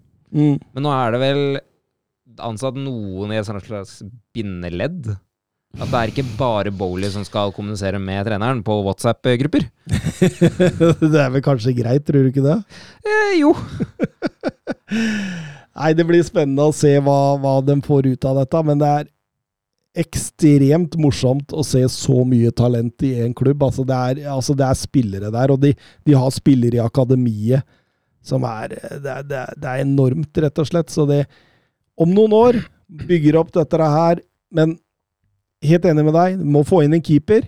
Jeg tror kanskje de bør få inn en klassestopper òg. Du kan ikke forvente en, eh, en 50-60 kamper av, av Tiago Silva. Og det som blir jo spennende for meg å se, da, er jo altså Nå var han jo, var han jo til tider god, altså da han spilte firevekst forrige sesong, men i, hvilken grad fungerer en aldrende Thiago Silva i en firebecks-linje? Ja. Fordi det, det blir spennende. For jeg, Ja. føler, jeg, føler at han, eh, han, han har, jeg føler at han er en litt mer utprega trebeckslinjestopper, altså. Mm. Og da har du igjen Badiashil og Fofana og Colville, da. Eh, ok, Colby kan kanskje komme inn. Jeg hører det er liksom Brighton har prøvd å hente den flere ganger nå, Mm. men det er ikke snakk om. Nei. Så åpenbart at han er tiltenkt eh, et eller annet, men eh, Nei, det blir spennende å, å følge med på dette videre, altså. Jeg ser for meg uh, Thiago Silva som sånn derre 'Alle mine duer, kom hjem, kom hjem'. Ja, Fordi han er jo syvende far i huset der. han er det. Han er det. Han er eh, Han er dobbelt av alderen av mange av de han skal spille med, så Og for faen av Obba Diashil, ja. Hvor mange kamper spiller de? De er utsatte for skader. ja. Altså, de har et toppnivå. Slår de til, ikke noe problem. Men Nei, det er mye skader her. Det er det, altså. Det er det. Eh, Og det er mye skader på, på, eh, på Shilwell og James, på bekkene, så der har de jo bra dekning Ja. i Malogusto og Kukurea. Men eh, det, det, det, det er for meg nå, da. Eh, Jeg snakka om stopper. De burde kanskje ha inn en tier hvis de på en måte skal bruke en konku best mulig. De burde ha inn en nier, for det er for mange utropstegn rundt uh, Nei, det, Jackson. Som, jeg syns de må sier. ha inn en nier. De burde ikke, de må. Altså Ja. Nier for meg at det er, det er noe de må ha. Hadde, hadde jeg vært Chelsea, hadde jeg kasta det Lill vil ha for Jonathan David og henta ham umiddelbart, egentlig. Ja, der, der har du en 600 millioner, og så må du ha inn en tier. Det er kanskje 600 millioner til, og så må du ha inn en keeper. Du veit jo hva de går for nå. Kanskje du henter en Diogo Costa, da, hvis det ikke United skal ha han. Da blir det 600 millioner til. Altså det, dette går, kan bli en 2,5 milliard før dette mm. laget er komplett til. altså. Og Se meg på stallen nå, da. Hvem skal inn som tier? Ja, ikke sant? Det er, det er ingen. Nei, det er, det er, det er, en Konku er den eneste som kan spille der as we speak, men Ja. han er ikke best der. Han Nei. må komme Ja. fra sida og Ja. Enig. Så det er Nei. Vi må snakke litt om Arsenal også, og denne økte pengeforbruken i Arsenal. Nå er Declan Rice snart klar, Jurien Timber er snart klar. Da Miquel Arteta Da har Miquel Arteta brukt 86 millioner euro i 2021, 167 millioner euro i 2021-2022, 192 millioner euro i 2022-2023. Eh, og er forbi allerede 200 millioner euro om Timber og Rice blir klare i sommer. Og dette omtrent uten å selge noe Mm. som helst. Og så kan man jo lure litt på De var økonomisk belasta ut av Wenger-perioden, inn i Unai Emry-perioden. Hva, hva er det som har skjedd her? Cronky har begynt å åpne opp uh, sparebørsa si. Ja, det, må, det må jo være det. Uh, altså Greit nok, nå er det Champions League uh, som gjelder denne sesongen her. Uh, det gir jo litt penger inn, og det er jo greit, men eh, at det skal gjøre så mye forskjell, eh, og det, pengebruken eh, Du er jo inne på det, det begynte jo ikke nå denne sesongen her. Eh, så ja, det, det må jo være som du sier, Jørn, at uh, det må jo være en eierhai som har spruta inn uh, litt mer penger enn før. Dårlig samvittighet etter Superleague. Ja, hvem veit? Han fikk jo mye tyn der. Ja, Glazer kan godt få den samvittigheten, de også. Al alternativt, uh, alternativt at han virkelig hadde tro på Ateta, da. Mm. Han var ikke langt unna å få sparken Nei. i starten her. Nei, det tror jeg ikke han var, men altså I tillegg da til alt dette her, så har de jo klart å få merkelappen. En klubb som utvikler egne spillere. En klubb hvor akademiet leverer. En klubb som ikke bruker så mye som de beste. Altså, Det er nesten litt imponerende at de har klart det. fordi hvis du tar den første elveren deres, da, så er det én fra akademiet som spiller fast. Bukayo Saka. Resten er stort kjøpt kjøp for 40 millioner eller mer opp igjennom. Det er, ja, du, du har et par så, Martinelli var billigere enn uh Nei, jeg tror den, den merkelappen det hjelper litt, at de har jo flere akademispillere i troppen. Smith Rowe jo, har jo vært uh, nær første elven før òg. Ja, men, Enketia, Ja. men, det, men, men det er jo flere lag i Premier League som har en to-tre ja, jeg, akademispillere. jeg, jeg, jeg er ikke uenig med deg, uh, altså, altså, men så samtidig er det også når de først kjøper, uh, så kjøper de jo ganske ungt òg, som regel. Uh, og da er det veldig lett å få det stempelet der som en uh, utviklende og ungdomssatsende klubb, og så bryr folk seg kanskje ikke fullt så mye om de spillerne kommer fra eget akademi, eller om de koster da 50 millioner euro. Nei, det, Men altså, jeg er ikke uenig med deg, ikke i det hele tatt, altså. Det, er, det er litt artig. Altså, de siste som er blitt tatt opp fra akademiet til Arsenal nå, det er Emil Smith-Roe og Ryan Nelson. Joe Wilcock, han er jo i uh, Newcastle. Saka, Nketia og Maitland Niles. Det er ikke mange Nei. ikke mange som spiller en avgjørende rolle på dette Arsenal-laget. Det er vel bare én. Ja, eh, og har det vært litt eh, lite kommunisert Det har vært en del feilkjøp. Det har det. Ja. Eh, se på altså, Fabio Vieira. Han har hatt én sesong, kanskje han måtte ha tilpasningsår. Men i utgangspunktet han skal jo spille samme rolle som f.eks. Martin Ødegaard. Han er kaptein, han er bankers. Mm. Eh, og så er det da to balanserende siden der. Han kan ikke spille én der, han er ikke god på kant. Uh, så ja, Kivjord. Hva får man egentlig? Nicolas Pepe. Ja. Ja. Ja. Nå skal det Han er tilbake, at, da, er han ikke det? skal det sies at det var Ona Emery-kjøp, og ikke Det var vel i den perioden akkurat altså, Ja. da, den, da Emery fikk sparken, den sesongen der, hvor han uh, kommer inn. Men så er jo vel Balogun tilbake, Balogun eh, tilbake nå. Ja. Spennende hva han får til. Enketia er ikke Altså, han var ok i den perioden han visste at han var førstespissen, Mm. men han er ikke på det nivået. Nei, nei det er ikke en Champions League-spiss, Nei, nei. Manchester United kan ikke cashe inn på han for å få nieren sin, for å si det sånn. Det er liksom når Arsenal henta Welbeck, det. Men eh, Petter Martin Støvland spør Liverpool via Lavia. Arsenal betaler blodpris på Rice. United linkes til Shuameni. Men hvorfor er det ingen som mente Amadou Onana i Everton i, i et Everton i økonomisk krise? Kun 21 år og står ikke tilbake for noen. Det er et godt spørsmål.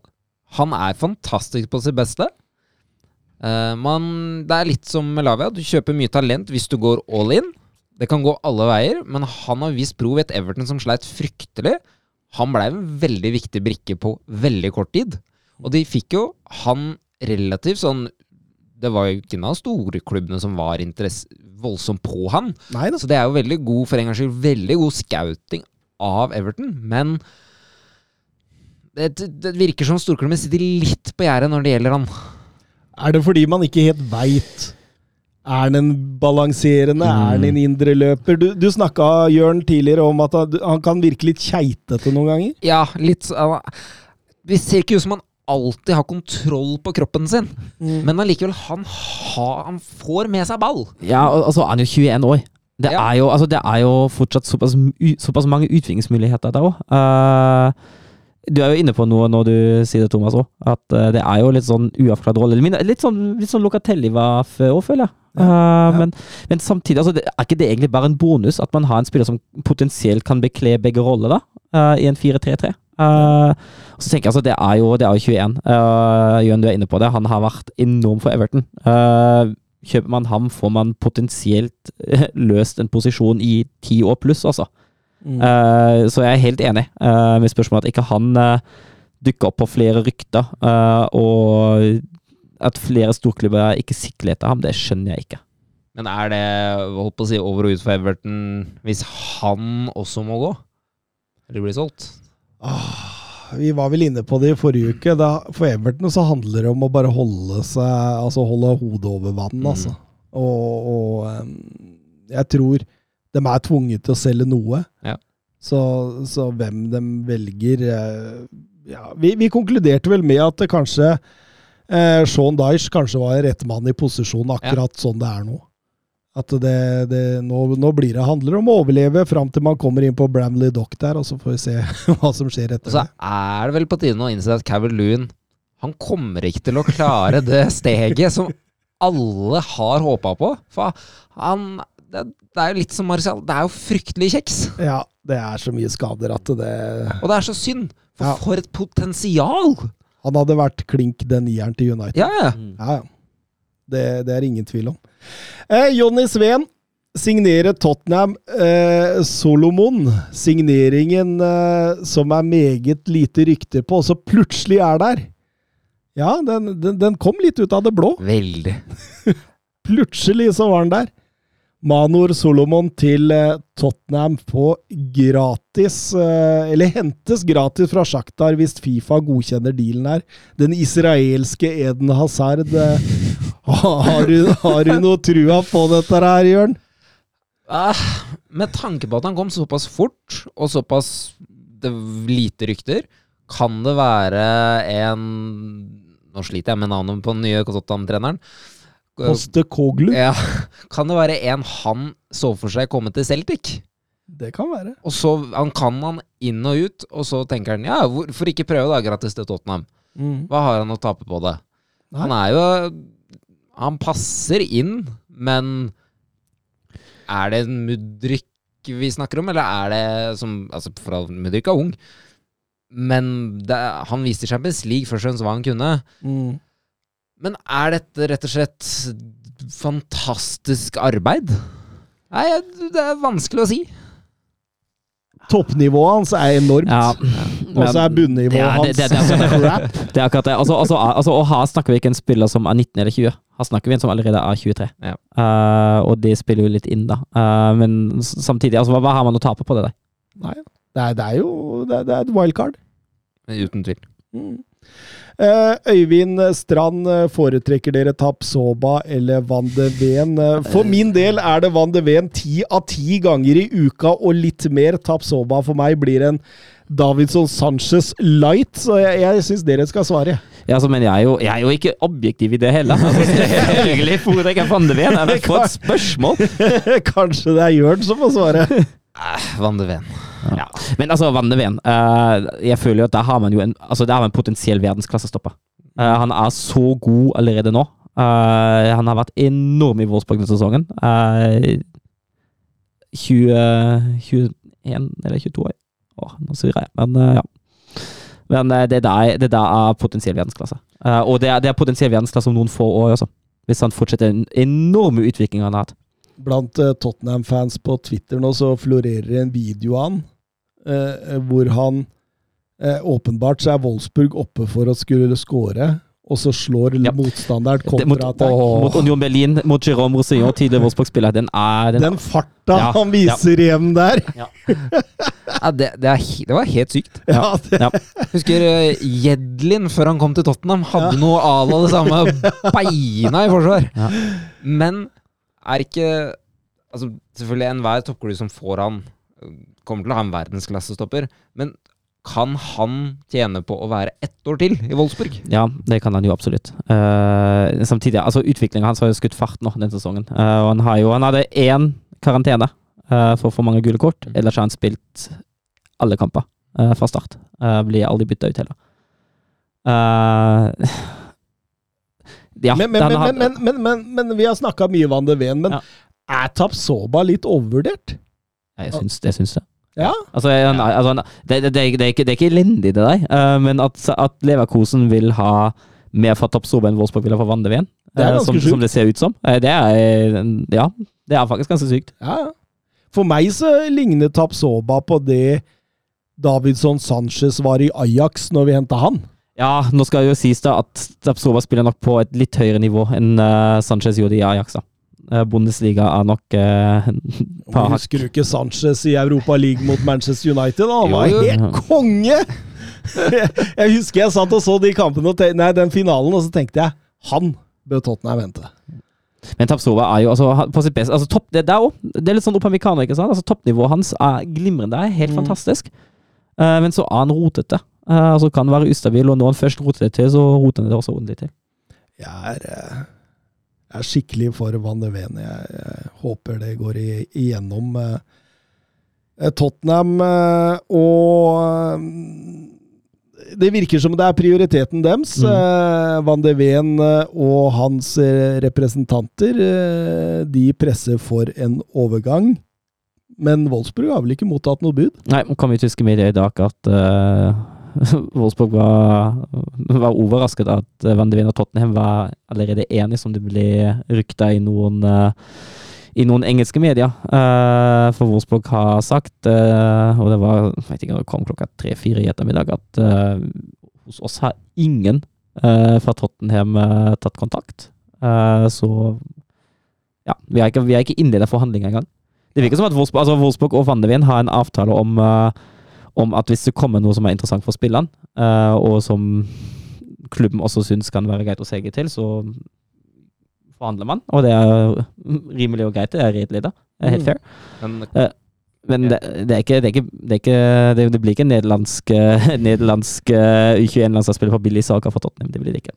Men Van de Ven og eventuelt uh, Romero bak der og stått noe Er det litt mye krutt og kanskje ikke Altså, vi snakker om en argentinsk verdensmester og en stjerneskudd uh, Ja. ved siden av han, men Og en Kunne- eh, italiensk U21-bekk på venstresida Ja. og Pedro Poro på høyre. Det, kunne man der profitert på f.eks. ha hatt en type Tiago Silva som en slags bindeledd for et år, da? At for Det kan bli fryktelig gøy, men fryktelig slitsomt. Det er derfor jeg kicka veldig på Laporte-linken. Syns det var eh, en fornuftig Ja, vi snakket litt om det forrige uke òg.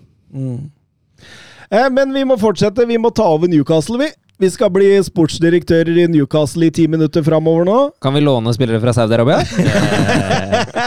Eh, nei, det kan vi ikke, men nå leste jeg at Newcastle vil fortsette sin på en måte vei. De vil eh, skynde seg sakte. Eh, det driter vi i. Vi skal gjøre, så, vi skal gjøre som vi vil. Utømmelig bankkonto og god såpass, ja. klaring til FFP. Såpass, ja. Ja, ja, Ja, men altså ikke utømmelig, men Ja. altså, det må være realistisk. Men eh, vi har mye cash, Mm. og vi har eh, god klaring til FFP. Ja, Eh, vil vi gjort noe med keepere? Solgt unna noe, men eh, jeg tenker jo eh, på Podobafka som nummer én og nummer to. Det er, det er god nok. Eh, det, er, det er klasse. Pop har jo vært innom forrige sesong òg. så er jo fem keepere som de har i troppen akkurat nå, to for mye. Så er det, jeg har solgt de to av de tre som er høyest lønn, og beholdt den siste som tredjemann. Mm. Mm.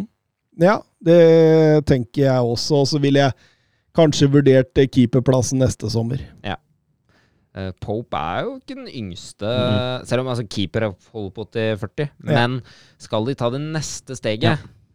du, okay, du går ikke til Pickford, du går liksom enda et steg videre. Ja. Uh, så DG er ledig, han. uh, ja, nei, vi, vi, vi venter et år, skal vi være enige om det? Ja. Høyrebekk, eh, der har de jo Trippier, Emil Kraft og Mankio. Eh, Hva tenker du? Solgt enten Kraft eller Mankio. Holdt Tripper en sesong til, og så henta inn en up and coming som kan eventuelt ha ett år å lære av Trippier. Ja.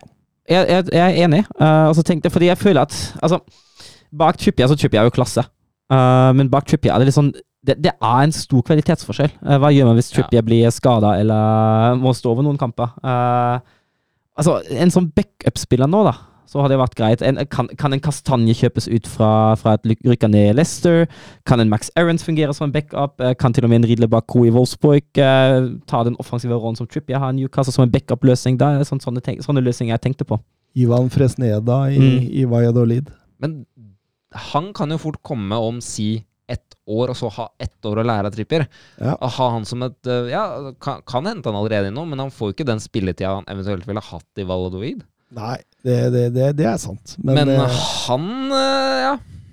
ja, han var- jeg tenkte både han og Arnao Martinez i, i Mm. Girona kunne vært to stykker som på en måte ja, Altså Trippier han blir jo ikke yngre, og han er litt skadeutsatt. Mm. Så, så, jeg, så jeg regner med som en backup for Trippier, hvis du på en måte skal spille 60-70 Mm. kamper i sesongen, så får du 20-25. Ja. Og det, det, det kan være greit, det for en ung Og det holder ikke med kraft eh, da. Altså. Nei, Det gjør ikke det. Eh, Venstreback ja, da må det gjøres noe. Ja. Uh, Met Target, Den Burn, Gemma Lewis og Paul Dummett, det er ikke Champions League-kvalitet. Ut med dem, vet Ja, den, den, den, burn, den Burn hadde jeg beholdt, for han kan også, han kan også være en backup-plass på midtstopperplassen. Så Ja. akkurat den Burn hadde jeg beholdt i toppen, uh, for all del. Eh, så jeg gikk litt på venstrebekk. Det, det er ikke så lett, dette, altså. Nei, det er ikke det. Det, det, er, det er ikke mye, ikke mye kvalitet man kan hente realistisk der. Uh, Gaia, kanskje? Uh, Caio, Caio Henrique i Monaco, kanskje en Adrie Truffer i, i med renn? Tierney ja, fra Arsenal? Ja, Ja. for han har jo falt litt utenom Mm. dette nye systemet. Ha, og altså, Arteta prøver jo å bruke han på samme måte som Zizjenko, men det funker jo ikke. Nei, gjør ikke det. Så som en ren venstreback, kanskje, men det er ikke den topp, topp venstrebekken, men Nei. som er fryktelig vanskelig å få. Nei, det er sant, ass. Jeg, jeg, jeg er litt på den der Adrian Trofær jeg. Mm. I, i, I renn. Jeg syns han uh, er spennende. Birger Meling får da fast plass. Ja, da blir Mats fornøyd òg, skjønner du. Ståle Solbakken òg. Nei, men da henter vi Skal vi hente Trofær, Ja. og så henter vi Fresneda på hver sin bek. Fint, det. Ja. Eh, stoppere, da. Båtmann, Skjær og Lascelles. Det er, det, det er ikke store breddene. Uh, den Burn kan jo også regnes inn der. Ja, ja, ja, greit. Jeg- Kanskje akkurat nå ut med Lascelles, men henta inn to Mm. nye Ja. midtstoppere. Og altså, den, den som jeg tenkte først, er jo Bastoni. Ja. Kontrakten hans går ut neste sesong. Ja. Men, Eh, men, åssen vil han fungere i en firebacks? Ja, det er liksom det som er spørsmålet. Uh, men jeg tror altså Det er jo det er jo ikke en stopper som er altså, som er ubevegelig, da. Uh, så jeg kan jo tenke meg at han fungerer fint i en firevekslinje nå, for all del. Eh, ellers, altså, jeg syns jo det er rart at ikke, at ikke Newcastle er med i kampen om Pau Torres. Mm. Uh, det syns jeg er merkelig, for han syns jeg også hadde passa inn, uh, inn veldig godt. Og det samme gjelder jo også Kim, for all del. At ikke, at ikke Newcastle føler litt på, føler litt på Kim, som tross alt ikke koster skjorta. Det er dyrt, ja, men det koster ikke skjorta for, for en klubb som Newcastle. Eh, ellers er det jo flere som man kan nevne der, type Linoma i, uh, i Sociedad, Hinkapi i Bayer Leverkusen som kan fungere fint der inne. Uh, eller Tomori i Milan, som har vært veldig, veldig god der. Engelsk. Mm. Og jeg har spilt både firebackslinje og trebackslinje. Ja. Jeg ville henta en uh, Emrik Laporte. Lett. Ville Ja. dunka inn han, og så ville jeg hatt en unge ved siden av. Så ville jeg, jeg, ville, jeg ville solgt uh, Lascelles, og så da, da hadde man hatt en Emrik Laporte sammen med Båtmann. Eh, Fabian Skjær, eh, når han er frisk og skadefri og sånt, så kunne han vært litt inn og ut. Og så, og så hatt en fjerde stopper, en, en ung, eh, f.eks. en Gonzalo Inacio i, i sporting, eller Georgius Scalvini fra Atalanta, et eller annet sånt. Og de skal inn i Champions League. Mm. Det blir mange kamper. Fire. Ja, og det- turneringer nå. Og det blir høy kvalitet i Champions League. Ja. Fordi de kommer jo De kommer vel ikke inn i en, eh, i, en eh, i pott én eller to, tenker jeg. Nei. Nei, men den er grei. Da er vi enige om to inn der. Blei vi enige om spillere, eller? Laporte. Lapport. Ja, Lapport er, er fornuftig, det. Enten Inacio eller Skalvine, tenker Ja, jeg. den er grei. Den er grei. Eh, Indreløpere. Eh, Tonali, Jolinton, Elliot Anderson, Sean Longstaff og Joe Widlock. Ja, det, det, det altså, Tonali var klasse. Uh, uten tvil. Anderson lånes vel fort Mm. ut. Ja. Eh, men ellers uh, syns jeg jo det mangler en til her. Det mangler en stor ja, spiller. Ja, jeg syns det. Uh, Joe Linton er litt sånn altså, Joe Linton som backup, altså med tanke på at han kan bekle nesten alle offensive posisjoner, fint. Willoch som backup, helt greit. Men Hai uh, Altså, jeg har jo annonsert ham uh, flere ganger. Jeg, jeg er stor fan av Sege Milinkovic Savic. Jeg er helt, var han jeg også satt og tenkte på. Ja. Men det virker som han vil være der han er. Ja. Han er, er 28 nå? Ja. Det er, det er nå eller aldri, men det har man på en måte sagt i tre-fire år allerede. Så at han ser for seg bare å bli i Lazio og kose seg og få heltestatus der Ja, det kan jo tenkes at han har lyst til det, og det, er- det er jo altså, for all del kult. Eh, det er, men det finnes jo alternativer. Uh, James Ward Prowse rykka ned med, ned med Southampton. Uh, kan gjøre en veldig god jobb i Newcastle, ser for meg. Uh, Leon Goretzka ryktes jo litt sånn halvveis på vei ut av Bayern, Uh, og hvis det er noe hold i det, så tenker jeg at da bør Newcastle være på banen. Jeg, eh, jeg kjøper uh, Sergej Milinkovic-Savic. Tenk den midtbanen, da. Gigi Mares, Tonali og Sergej Milinkovic-Savic. Tonali som en indreløper. Ja, men jeg, jeg er spent på den, jeg, fordi han, han produserer mye, skjønner du. Ja, ja. Eh, Så litt friere fremover. Jeg tror det kan bli strålende, Ja. faktisk. For sekseren der, der er Gimares uh, Udiskutabel. ja. Og så kan jo altså si, Longstaff kan brukes ja, som en Tonali kan jo også det. Ja, så der, der, der er, er vi greit. Ja. Høyre kant. Uh, Almiron, Matt Ritchie og Jacob Murphy. Det er, det er mye rart her. Murphy kom seg veldig når uh, Almiron uh, Ja. I form og ble skada, De, men de, de bytta på å være i form. ja, Men det må en topp spiller inn der. Ja, jeg er helt enig. Og det, er, det finnes jo gode kandidater. Uh, Leverkosen vil selge Diaby, og han, han er jo høy klasse. Eh, Jeremy Pino.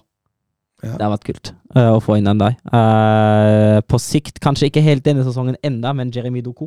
En spiller som jeg syns Den er liker jeg, ass. ja, Jeg hadde kjøpt den lett Ja. og hatt han med Almiron. ja. Uh, alternativt også Rafinha for all del. Men det er jo, det er jo muligheter der. Det, markedet, markedet er jo åpent for at man kan hente inn noe der, tenker jeg. Jeg, jeg, jeg vil ha Doko, jeg. Jeg er helt enig. Venstre kant. eh, Jeg ser at Sant Maxima kan være på vei bort. eh, Ellers så har de Anthony Gordon og Ryan Fraser. Eh, Jeg ville bare prøvd å beholde Sant Maxima, ja, for Mm. der kan også både Alexander Isak og Jo Linton spille. Ja. Så da, da slipper man å bruke penger der. Og så er det angrepet, da. Isak og Wilson. Ja, det, det, og da er liksom den spissituasjonen, da.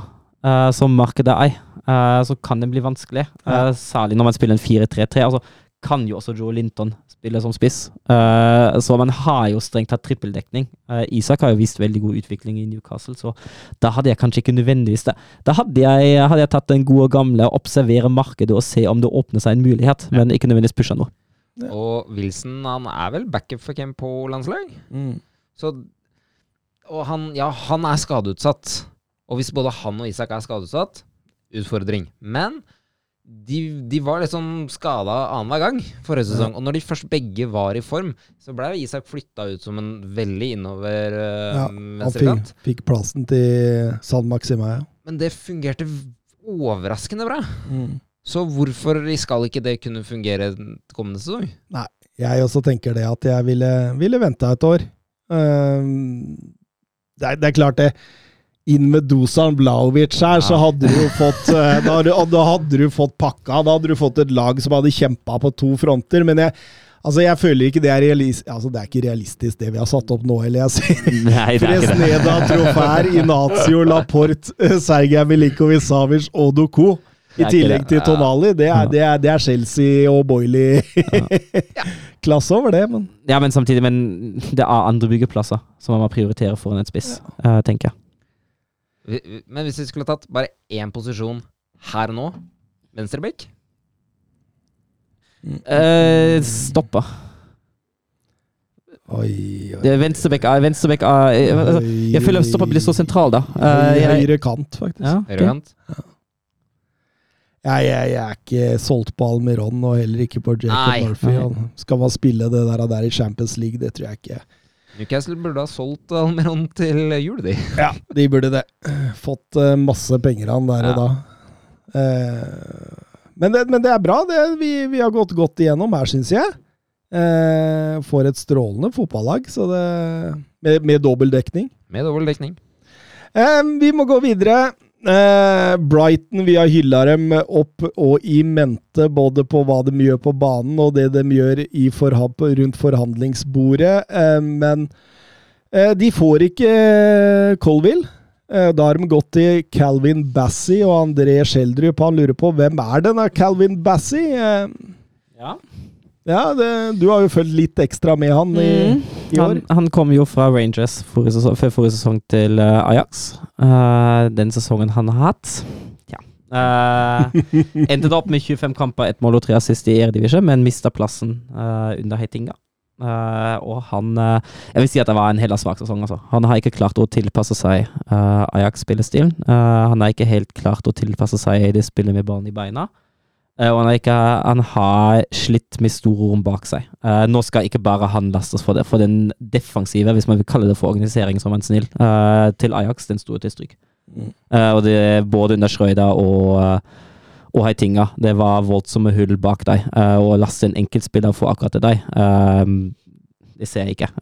til tross for at han hadde en svart sesong. Han, ble ikke, han ble også et, et offer av omstendighetene der også. Um, han er, jo, eh, han er jo en spiller som egentlig kan forsvare seg ganske godt. Han har jo defensive styrker. Eh, god fysikk, eh, er kjapp.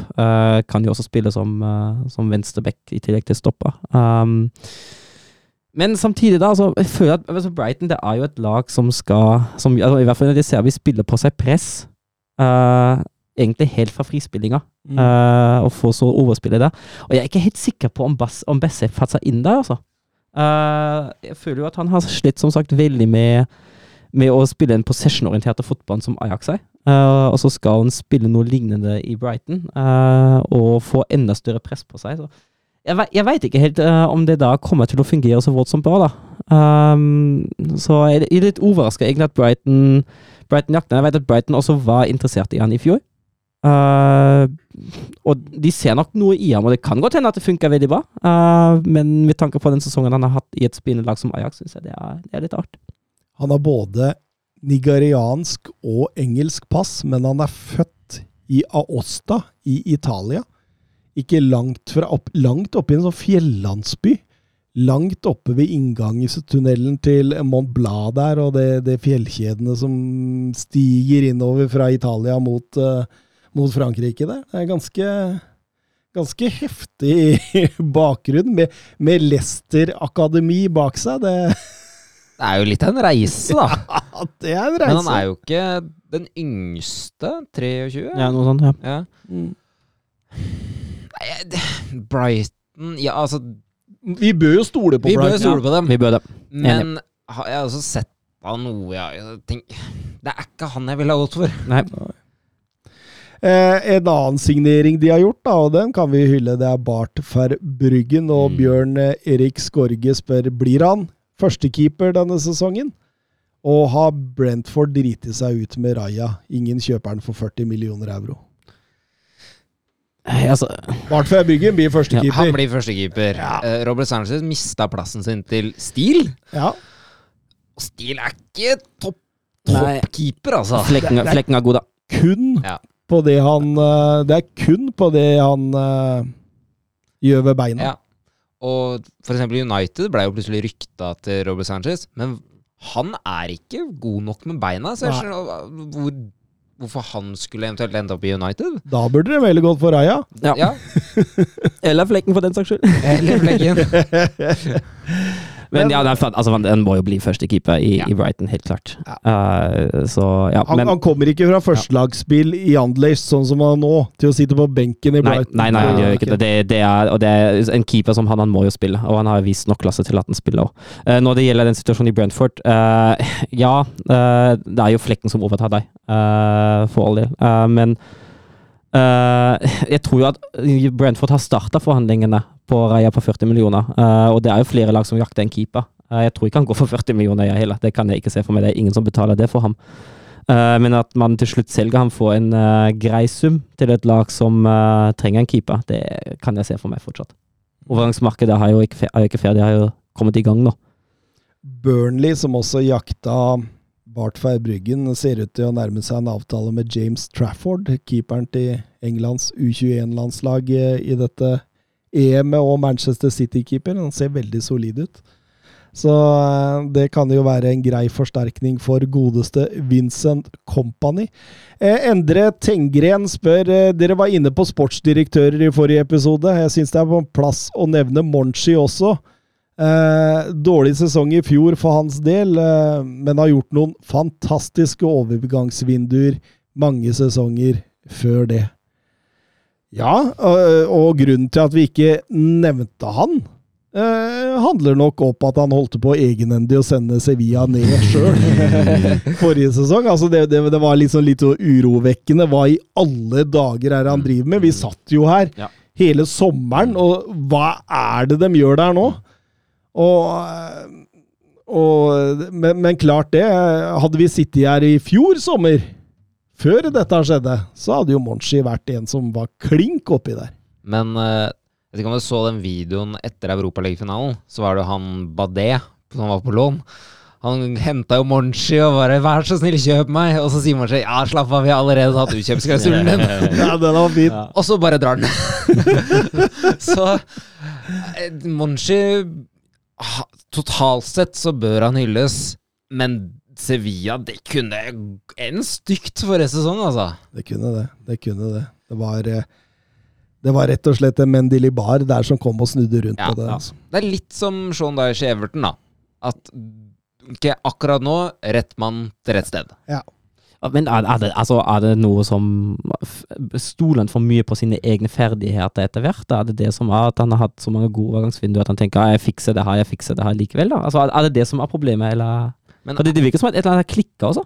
Begynt bra i Via nå. Villa, Mm. vi- Via, Ja. Vi- Villa med Pau Torres. Men kan det, er han litt sportsdirektørens svar på Pep Guardiola? At du prøver å være litt smartere, litt mer innovativ enn Mm. alle andre? Sju av ti tilfeller så f kan det gå. Men eh, Pep Guardiola har gått på noen smeller ved å prøve å være for smart, han også. Jeg så en rapport forresten på spillere han hadde på blokka si Fasten Villa i sommer som potensielle kjøp. Hør på denne lista. Alex Buena, Miquel Mirino, Pedro Gonsalves, Gonzalo Ramos, Eli Wahi, Federico Chiesa, Nico Williams. Det er en fin liste, det der, altså. Altså, da, da snakker vi et Villa som kan begynne å henge seg opp i toppen, altså. Men eh, de har jo en britisk kvote de må også fylle opp, med egen utvikla spillere. Ja da. Så det, ja, det, det blir spennende å se når overgangsvinduet stenger, hvordan det ser ut. Men å få inn Pau Torres eh, i samarbeid med Diego Carlos, hvis han holder seg skadefri og kommer tilbake på det nivået han viste Sevilla, Ja. det lukter krutt, altså. Det gjør det. Det gjør det. Og med verdensmesteren eh, bakerst. Ja, ja, ja. Det, det, det, det er kjempespennende, det som skjer i Aston Villa nå. Det er, eh, det, det er så spennende at jeg tror kanskje man snakker en topp åtte snart i England. Det, det er halve laget, det er halve ligaen, er topp. Brighton er stabile der oppe. Ja. Det, er, det, blir vanskelig å bli topp ni, topp ti i England neste sesong, vet du.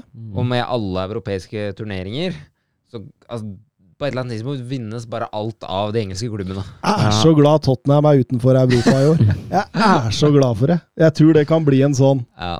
Det, det, er, det er en konkurransefordel mot mange andre, da. mm. Det. Et, men sånn som med Brighton, da.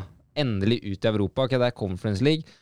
Du kan måtte reise ut i Kasakhstan Ja, ja. eh, en torsdag kveld. Den er Også- blytung når du har kamp på i helga igjen. Ja. Mm. Kamp på Etihad på søndag. Eh, spørsmål igjen. Eh, Fredrik Stjerna, jeg syns denne var fin, jeg. Snakk gjerne om det fremtidsretta, innovative og ekstremt spennende managervalget i Palace. Ja, den er fin. Den er fin. 75-åringen Roy Hodgson tar et år til. Hæ?! Der satser, der satser man ungt og frisk, vet du. Roy reiser ikke ut av London. Mhm. Nei, det gjør han ikke, altså. Han var beæret over at de eh, ga han en ettårskontrakt. Men hvordan kan han ha tillit til han direktøren i Palace? Jeg, allerede fått sparken, ja. ja, Mm. altså okay, De skulle satse ungt, henter inn Vieira, gå to år. Ok, det er stabilt ustabilt. Og så tilbake igjen med Hodgen. Men er ikke, er ikke Patrick Vieira sånn grovt sett bare en litt yngre og fransk versjon av Roy Hodgson som manager? Jo, Så syns jeg så Patrick Vieira med grått hår og stor nese og pilotbriller. ja. Kan gjerne kan for kan gjerne være en Vieira 05, men uh... Um, det ryktes at eh, Carlo Ancelotti skal være klar for Brasil, men ikke før neste sommer. Ancelotti sier han gjerne starter i sommer, men skal respektere kontrakten hvis Real Madrid ikke lar han gå. Har ikke han vært klar for Brasil siden Det er ikke tre år snart man har sittet og diskutert dette. men, altså, men jeg føler jo altså at denne sesongen har mer real, hvis det stemmer nå. Eh, det virker mer og mer som en overgangssesong. Ja. Uh, hvis du ser hva som er ut, uh, hvis du ser hva, altså, hvordan den troppen ser ut egentlig nå. Uh, den troppen bærer preg av en ekstrem ubalanse og uferdighet. Mm. Eh, Ancelotti som egentlig strengt tatt bare forvalte det hele videre og prøve å ro de land så godt som mulig. Som sagt, den sesongen her føler jeg bare Altså, vi får se. Det kan hende at de ikke er ferdighandla, men uh, hvis de skulle være ferdighandla, da har jeg ikke noe tro på dette her i det hele tatt. Nei, det blir veldig, veldig spennende. Og det blir spennende å se når kommer Zidane? kommer han allerede i sommer, eller må vi vente til neste sommer? Men eh, når Benzema var ute forrige sesong, så var det jo Rodrigo som ble flytta inn som spiss. Nå er det jo kun Hosselu som ren spiss. Mm. Hørte Petter Wæland lanserte jo sin teori om at Rodrigo er den som blir spiss. De har jo ikke noen kanter heller, da. Nei, så, men Blir det Valverde opp Ja. høyre? Ja. Men de, altså, de har ikke noe som helst back, backup der. Det er, jo, det er jo Rodrigo, Venitius og Valverde. Det er Ja, for Ascencio er klar for PSG. Ja. Mm. Nei, det, det, det er klart det at det Og når da Peres sier vi skal ikke kjøpe mer i dette vinduet, så, så, så ligger det jo litt an til at dette kan bli en mellomsesong, ja. Gikk, gikk det for mye penger i Bellingham? Var det rett brant de seg på Bellingham-kjøpet? Det koster jo å terminere kontrakt i Hazard Mm. da. Ja. ja. Eh, men, uh, Men, men, men det er klart, det, alt dette begynte med Benzema, som Mm. plutselig Ja, ja, ja. ut av det blå ja, Ja, ja. eh, setter klubben sin egentlig Ja. i den situasjonen de er i. Altså. Men det, den Benzema-avskjeden kom f lenge før Bellingham var ferdig foran. ja. Mm. Man trengte ikke nødvendigvis å kjøpe Bellingham. Nei, og det sies også at Angelotti skal være relativt irritert for at Real Madrid ikke er på Kane. Ja, og det skjønner jeg godt. Altså Hadde jeg vært Angelotti og ikke vært på Kane altså Det er jo en spiss som er Jeg hadde jo et lytterspørsmål om det for noen uker siden. òg. Et spiss som er nærm, en spiss som er nærmere Benzema, får du ikke. Nei. Lukter det litt Morata tilbake? Bare så La, Ta han inn fra Atletico og kose seg. Åh, tida, tida flyr i godt lag, gutta, men vi må Ja. videre. Bernt Olav Gjellegjerde Hansen. Tror dere Celta klarer å holde på Gabri Veiga? Nei. Nei, det tror jeg ikke heller. 40 millioner ukjøpsklausul for en uh, 21-åring som har vist det han har vist, uh, det er ganske lite. Kan, kan det lukte Newcastle? Mm. Ja, det, det, det kan det. De trenger litt den typen. Mm. Um, Manchester City og er inne i dette Ja. bildet. Eh, kunne jo vært en strålende signering fordi de er De er jo ofte verdt å hente av spanjoler på klausuler, de. Så. Så er det jo en De Bruyne som Han blir ikke yngre, selv om han er fortsatt på toppnivå. Han gjør ikke det. Han har mer og mer skadeplaner, Ja. syns jeg. Så, ja. Jørgen Nystuen, hva skjer i Napoli? Det er jo helt dødt der, jo. Det er helt dødt, søren. Det er helt dødt, og vi var vel så vidt inne på det før sending, at uh, eksempel Sevilla er det er, Bygges Napoli ned nå? Uten Det er- tvil. Altså, det er, det er helt ekstremt. Ser man laget som avslutta forrige sesong, og det som kan starte, med kun Raspadori og Simione inn permanent. Kim mest sannsynlig ut. Og det er veldig mange lån som går ut. Kontrakter går ut. Ja, misunner ikke eh, Rudi Garcia som skulle inn der. Nei, vi misunner ikke De Lorente selv, som har ansatt Rudi ja. Garcia, men Det er bare powerpoint, tror jeg. det er powerpointen som avgjorde det her. Men altså, helt seriøst. Det er jo nå Napoli skal satse. Det er nå Ja. de skal gjøre seg til maestro della Italia. De, de, de skal tette hull i lagene og få mer bredde. De skal satse Serie A og Champions League på en og samme gang. Og de får aldri mer like god forutsetning som de har nå. Nei. Aldri mer igjen, Nei. tror jeg. Og nå, det er nå eller aldri. Og så er alt de er opptatt av, det er at de skal ha 200 millioner for uh, Victor Oshimen. Og de prøver å hindre denne overgangen til Kim Inya til, til eh, Bayern München. Ja. Og altså, tenk, altså, nå, nå som de, de har Champions League å skilte med, de har en stor stor eufori rundt klubben. Eh, de må jo være attraktive for spillere. De må jo ha, det må jo være mulig å hente noe shits inn der nå, eh, og erstatte de spillere. Altså, ja, så går Kim for 50 millioner, da. Ja, det er kjipt, men du får gode stoppere for de penga der. Kan til og med bruke penger på andre, andre til deg i toppmål, da. Men er 50 litt lite for Kim? Det er vel en klausul der. Det må tror jo være det. Mm. Det er en klausul som kun varte noen dager i juli, eller noe sånt, Ja. tror jeg. For 200 for Simen og så 50 for Kim, det er uh... Det er ubalanse. Ja, det er ubalanse. Men hvis, hvis Kim ikke forsvinner, så har du jo fortsatt den samme stammen intakt. Nå ryktes det at Zelenskyj skal ut òg. Ja. ikke sant? Eh, og det ryktes om en misnøye i og med dette med Spalletti. Mm. Ja, selvfølgelig, for spillerne må jo være glad, i- må jo være glad i ham. Så det er, Jeg det, vet for de elleve som fikk spille hele tida. det, det er spennende tider i Napoli. Vi satt her på samme tid da, i fjor og hylla eh, kjøpa de gjorde. Eh, virka veldig offensive, eh, på tross av de de mista. Nå føler jeg de virker defensive. Veldig. Så, så det blir spennende å se. Eh, Didrik Tofte Nilsen han, han har egentlig bare kommet med et sitat. Det er helt nydelig. Det er Roger Ibanez, stopperen i Roma, som har sagt det er fantastisk å være med Mourinho på daglig basis, men han er en smule bipolar. Ene dagen smiler og ler han, og neste dagen sier han ikke hallo til deg engang. Hvis vi vinner to kamper på rad, klemmer han alle. Hvis vi taper to på rad, da blir det tøffe dager. det er vel sånn vi tenker om det nå? Ja, det er ca. det bildet som vi har nå. Ja.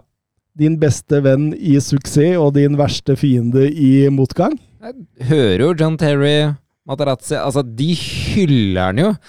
Spør Luke Shaw, du!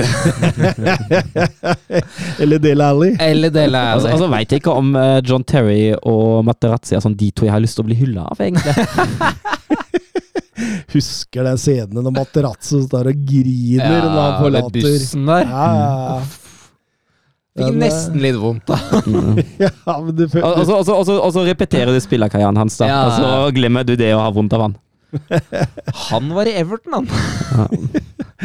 Kasper Viktor Ruud Haaland, Cesc Fabregas la opp i forrige uke. Fortjener å klappes av i 90 minutter. Ja, det syns jeg han gjør. Ah, Ingen tvil om det. Arsenal, Barcelona, Chelsea, Monaco og til slutt eh, Como i eh, Italia, pluss det spanske landslaget. 849 kamper, 253 assist og 148 mål. 17 trofeer. En av de større, vi må jo kunne si det, men hvor var han best? Ja, sånn syns jeg. Jeg er for så vidt enig. Mm. Han, han gjorde seg ikke bort i Barcelona, Nei da, nei da. og var jo viktig for Spania i sin tid òg. Mm. Men eh, Nei, fantastisk spiller.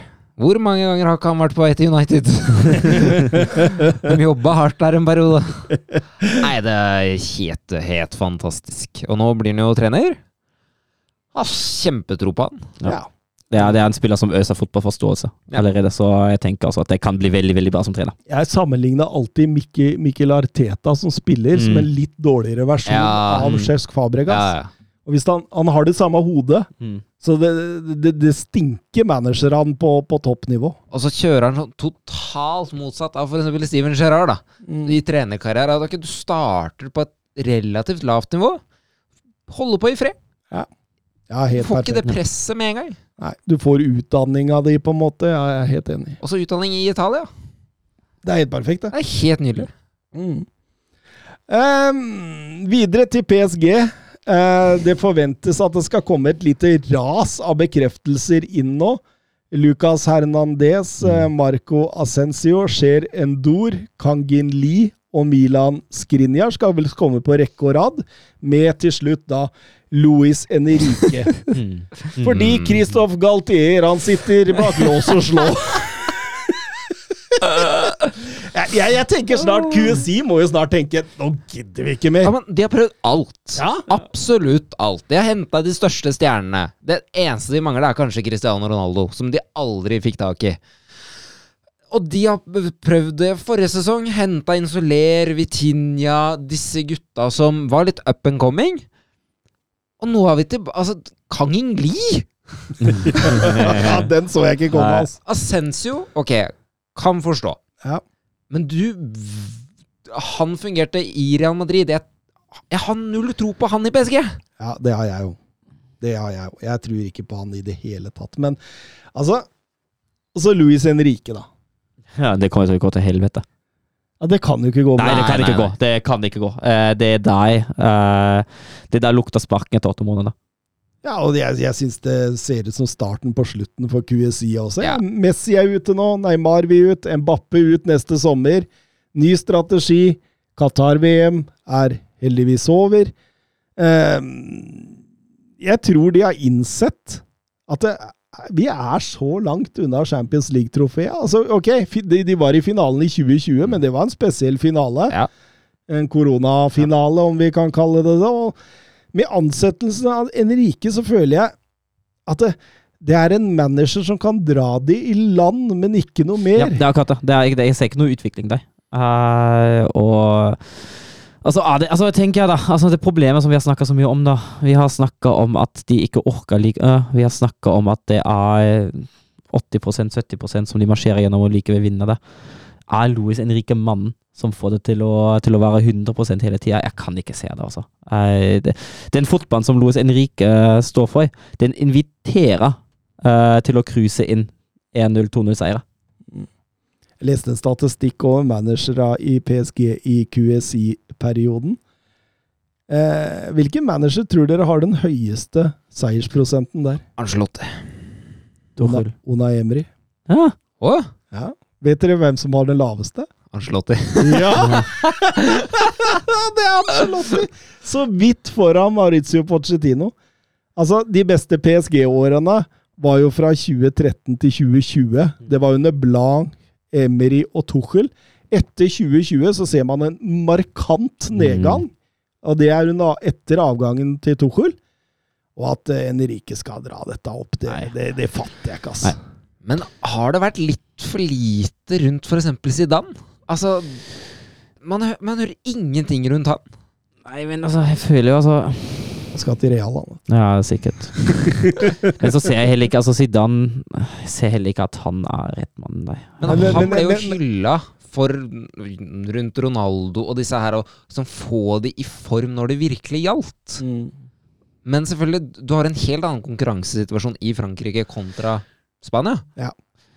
Og, men hvis jeg, altså, hvis jeg ser på de spillene, Hvis jeg ser på Luis Henrique, hvis jeg ser på de spillene som, som, hentes, som hentes inn uh, Jeg føler at Ja, vi kan, vi kan snakke, sitte her og snakke om at strategien er endra, men jeg føler egentlig at strategien bare er endra dit hen at man nå henter spillere og trenere fra en eller to hyller lavere enn det man har pleid å gjøre.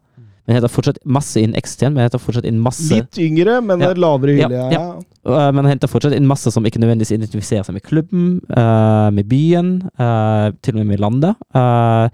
Man henter fortsatt masse leiesoldater, uh, kort sagt. da. Uh, man skaper ikke nødvendigvis noen identifikasjon mellom supportere og, og, og laget heller. Uh, og man henter også inn en trener som er ikke noe annet enn en leiesoldat. Det er helt riktig. Noen år om Patrick Vieira, spør Jørgen Knutsen. Mhm. Det kommer ikke til å gå. Nei. Tar over i Strasbourg. eh, Altså, litt funny at han tar over Frankrikes svar på Crystal Palace. Ja, faktisk. Eh, tenker det blir én til to sesonger rett under midten av tabellen, før det går rett nedenom og hjem. Ja, akkurat som i Peles, og egentlig akkurat som i altså, På litt høyere nivå i NIS, men det hadde også en bedre stall. Apropos NIS, der tar eh, Farioli over. eh, Roberto Di Serbis assistent fra Mm. Sassolo. Um, om ikke noe sikrere kort enn Patrick Vieira, så i hvert fall litt mer spennende. Han er jo liksom han er 34 år, en del av denne nye vinen med italienske trenere som liksom på en måte har gått litt fra den der konservative italienske måten å spille fotball på, i 4-4-2, stram defensiv, vi skal ikke ta noen sjanser, til mer den der her skal vi sette premissene for Ja. kampen. Så det, det, det kan bli spennende. Eh, Adi Hytter Ja, har tatt over Monaco. Eller er det Harald Rønneberg? Han ligner litt. Og så Thomas Numin som assistent der, da. Kanskje Harald gjør noe han ikke har gjort, eller hva det var. Harald gjør noe han ikke kan, da var det det het, tror jeg. Harald gjør noe han ikke har gjort. Men hva tror du om Hitter i, i Monaco? Er det han som skal få dem opp, Søren? det er, det er litt jeg er litt spent på det der, faktisk. Uh, for han var veldig god i Frankfurt, og ikke fullt så bra i München-Gladbach, for å si det mildt. Uh, Trebekslinje, utpreget, uh, utpreget gegenpressing-trener. litt dårlig til å etablere ehm, til å etablere egne angrep, i hvert fall i München-Gladbach. Litt, så litt bedre ut i Frankfurt, men uh, likevel en trener som vi vil, vil putte klart i gegenpressing-kategorien. Uh, I tillegg uh, gjerne med defensive svakheter. Litt avhengig for å skape noe mot etablert av individuelle prestasjoner. Ikke så voldsomt flink til å sette opp mønster, i hvert fall som sagt ikke i München-Gladbach. I Frankfurt så det litt bedre ut.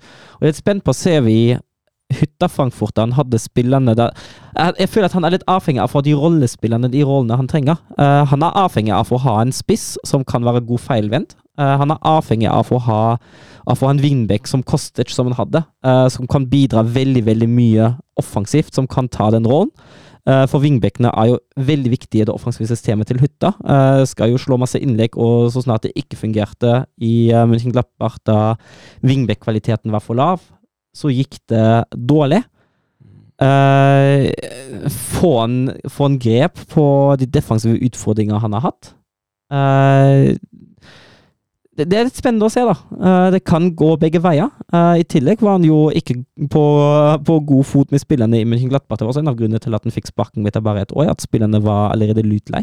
Eh, mens Frankfurt-spillerne, de hyller han jo Ja. etter at den gikk. Uh, så jeg er litt sånn spent hvilken versjon vi får. Uh, I hvilken grad han klarer å tilpasse fotballen som han spiller, til troppen som er der, hvilke spillere som kommer inn. Uh, Så, så sportsdirektør Paul Mitchell må ut på banen her og sørge for å få tak i de ja, i hvert fall, i Nå har han jo den feilvendte i Ja, ja, på en måte. Han har ja. wingbacken i Wanderson, han, han har Ja. jo mye av det. ja, han har jo mye av det. Uh, så det, det kan gå. Eh, og jeg føler for, for hytta nå er det litt sånn vinn eller forsvinn, altså. Eh, Nå føler jeg at han må prestere. Uh, Mönchengladbach så virkelig ikke bra ut. og han slet jo litt med å få seg en ny jobb òg. Altså, nå hadde han ikke noe hast til. Jeg leste intervju med ham for et halvt år siden. Han sa han tar det med, han tar det med ro. Han har mange utfordringer han kan tenke seg som er spennende. Eh, så det var ikke noe press, men eh, det, er sånn, det er litt sånn nå det gjelder for ham, tror jeg. Vi må videre. Fredrik Konradsen. Han ønsker at vi skal diskutere en liste, og det er en Twitter-bruker ved navn Tobias Storestad Dale som har tvitra en eh, melding på de ti beste fotballspillere i juni med base i Europa. Altså verdens beste. Og han rangerer Haaland, Mbappe, Kevin De Brøne, Vinni junior, Griezmann, Rodri, Bellingham, Kimmich, Pedri og Kane på tiende. Og skal vi diskutere lista, så er det det første jeg vil si, da, at dette er en fullstendig umulig oppgave. Man kan ikke sammenligne Kane og, og, og um, Rodri. Det er, det er, altså det, da, setter du jo altså, premissene Ja. i, diskusjonen fullstendig.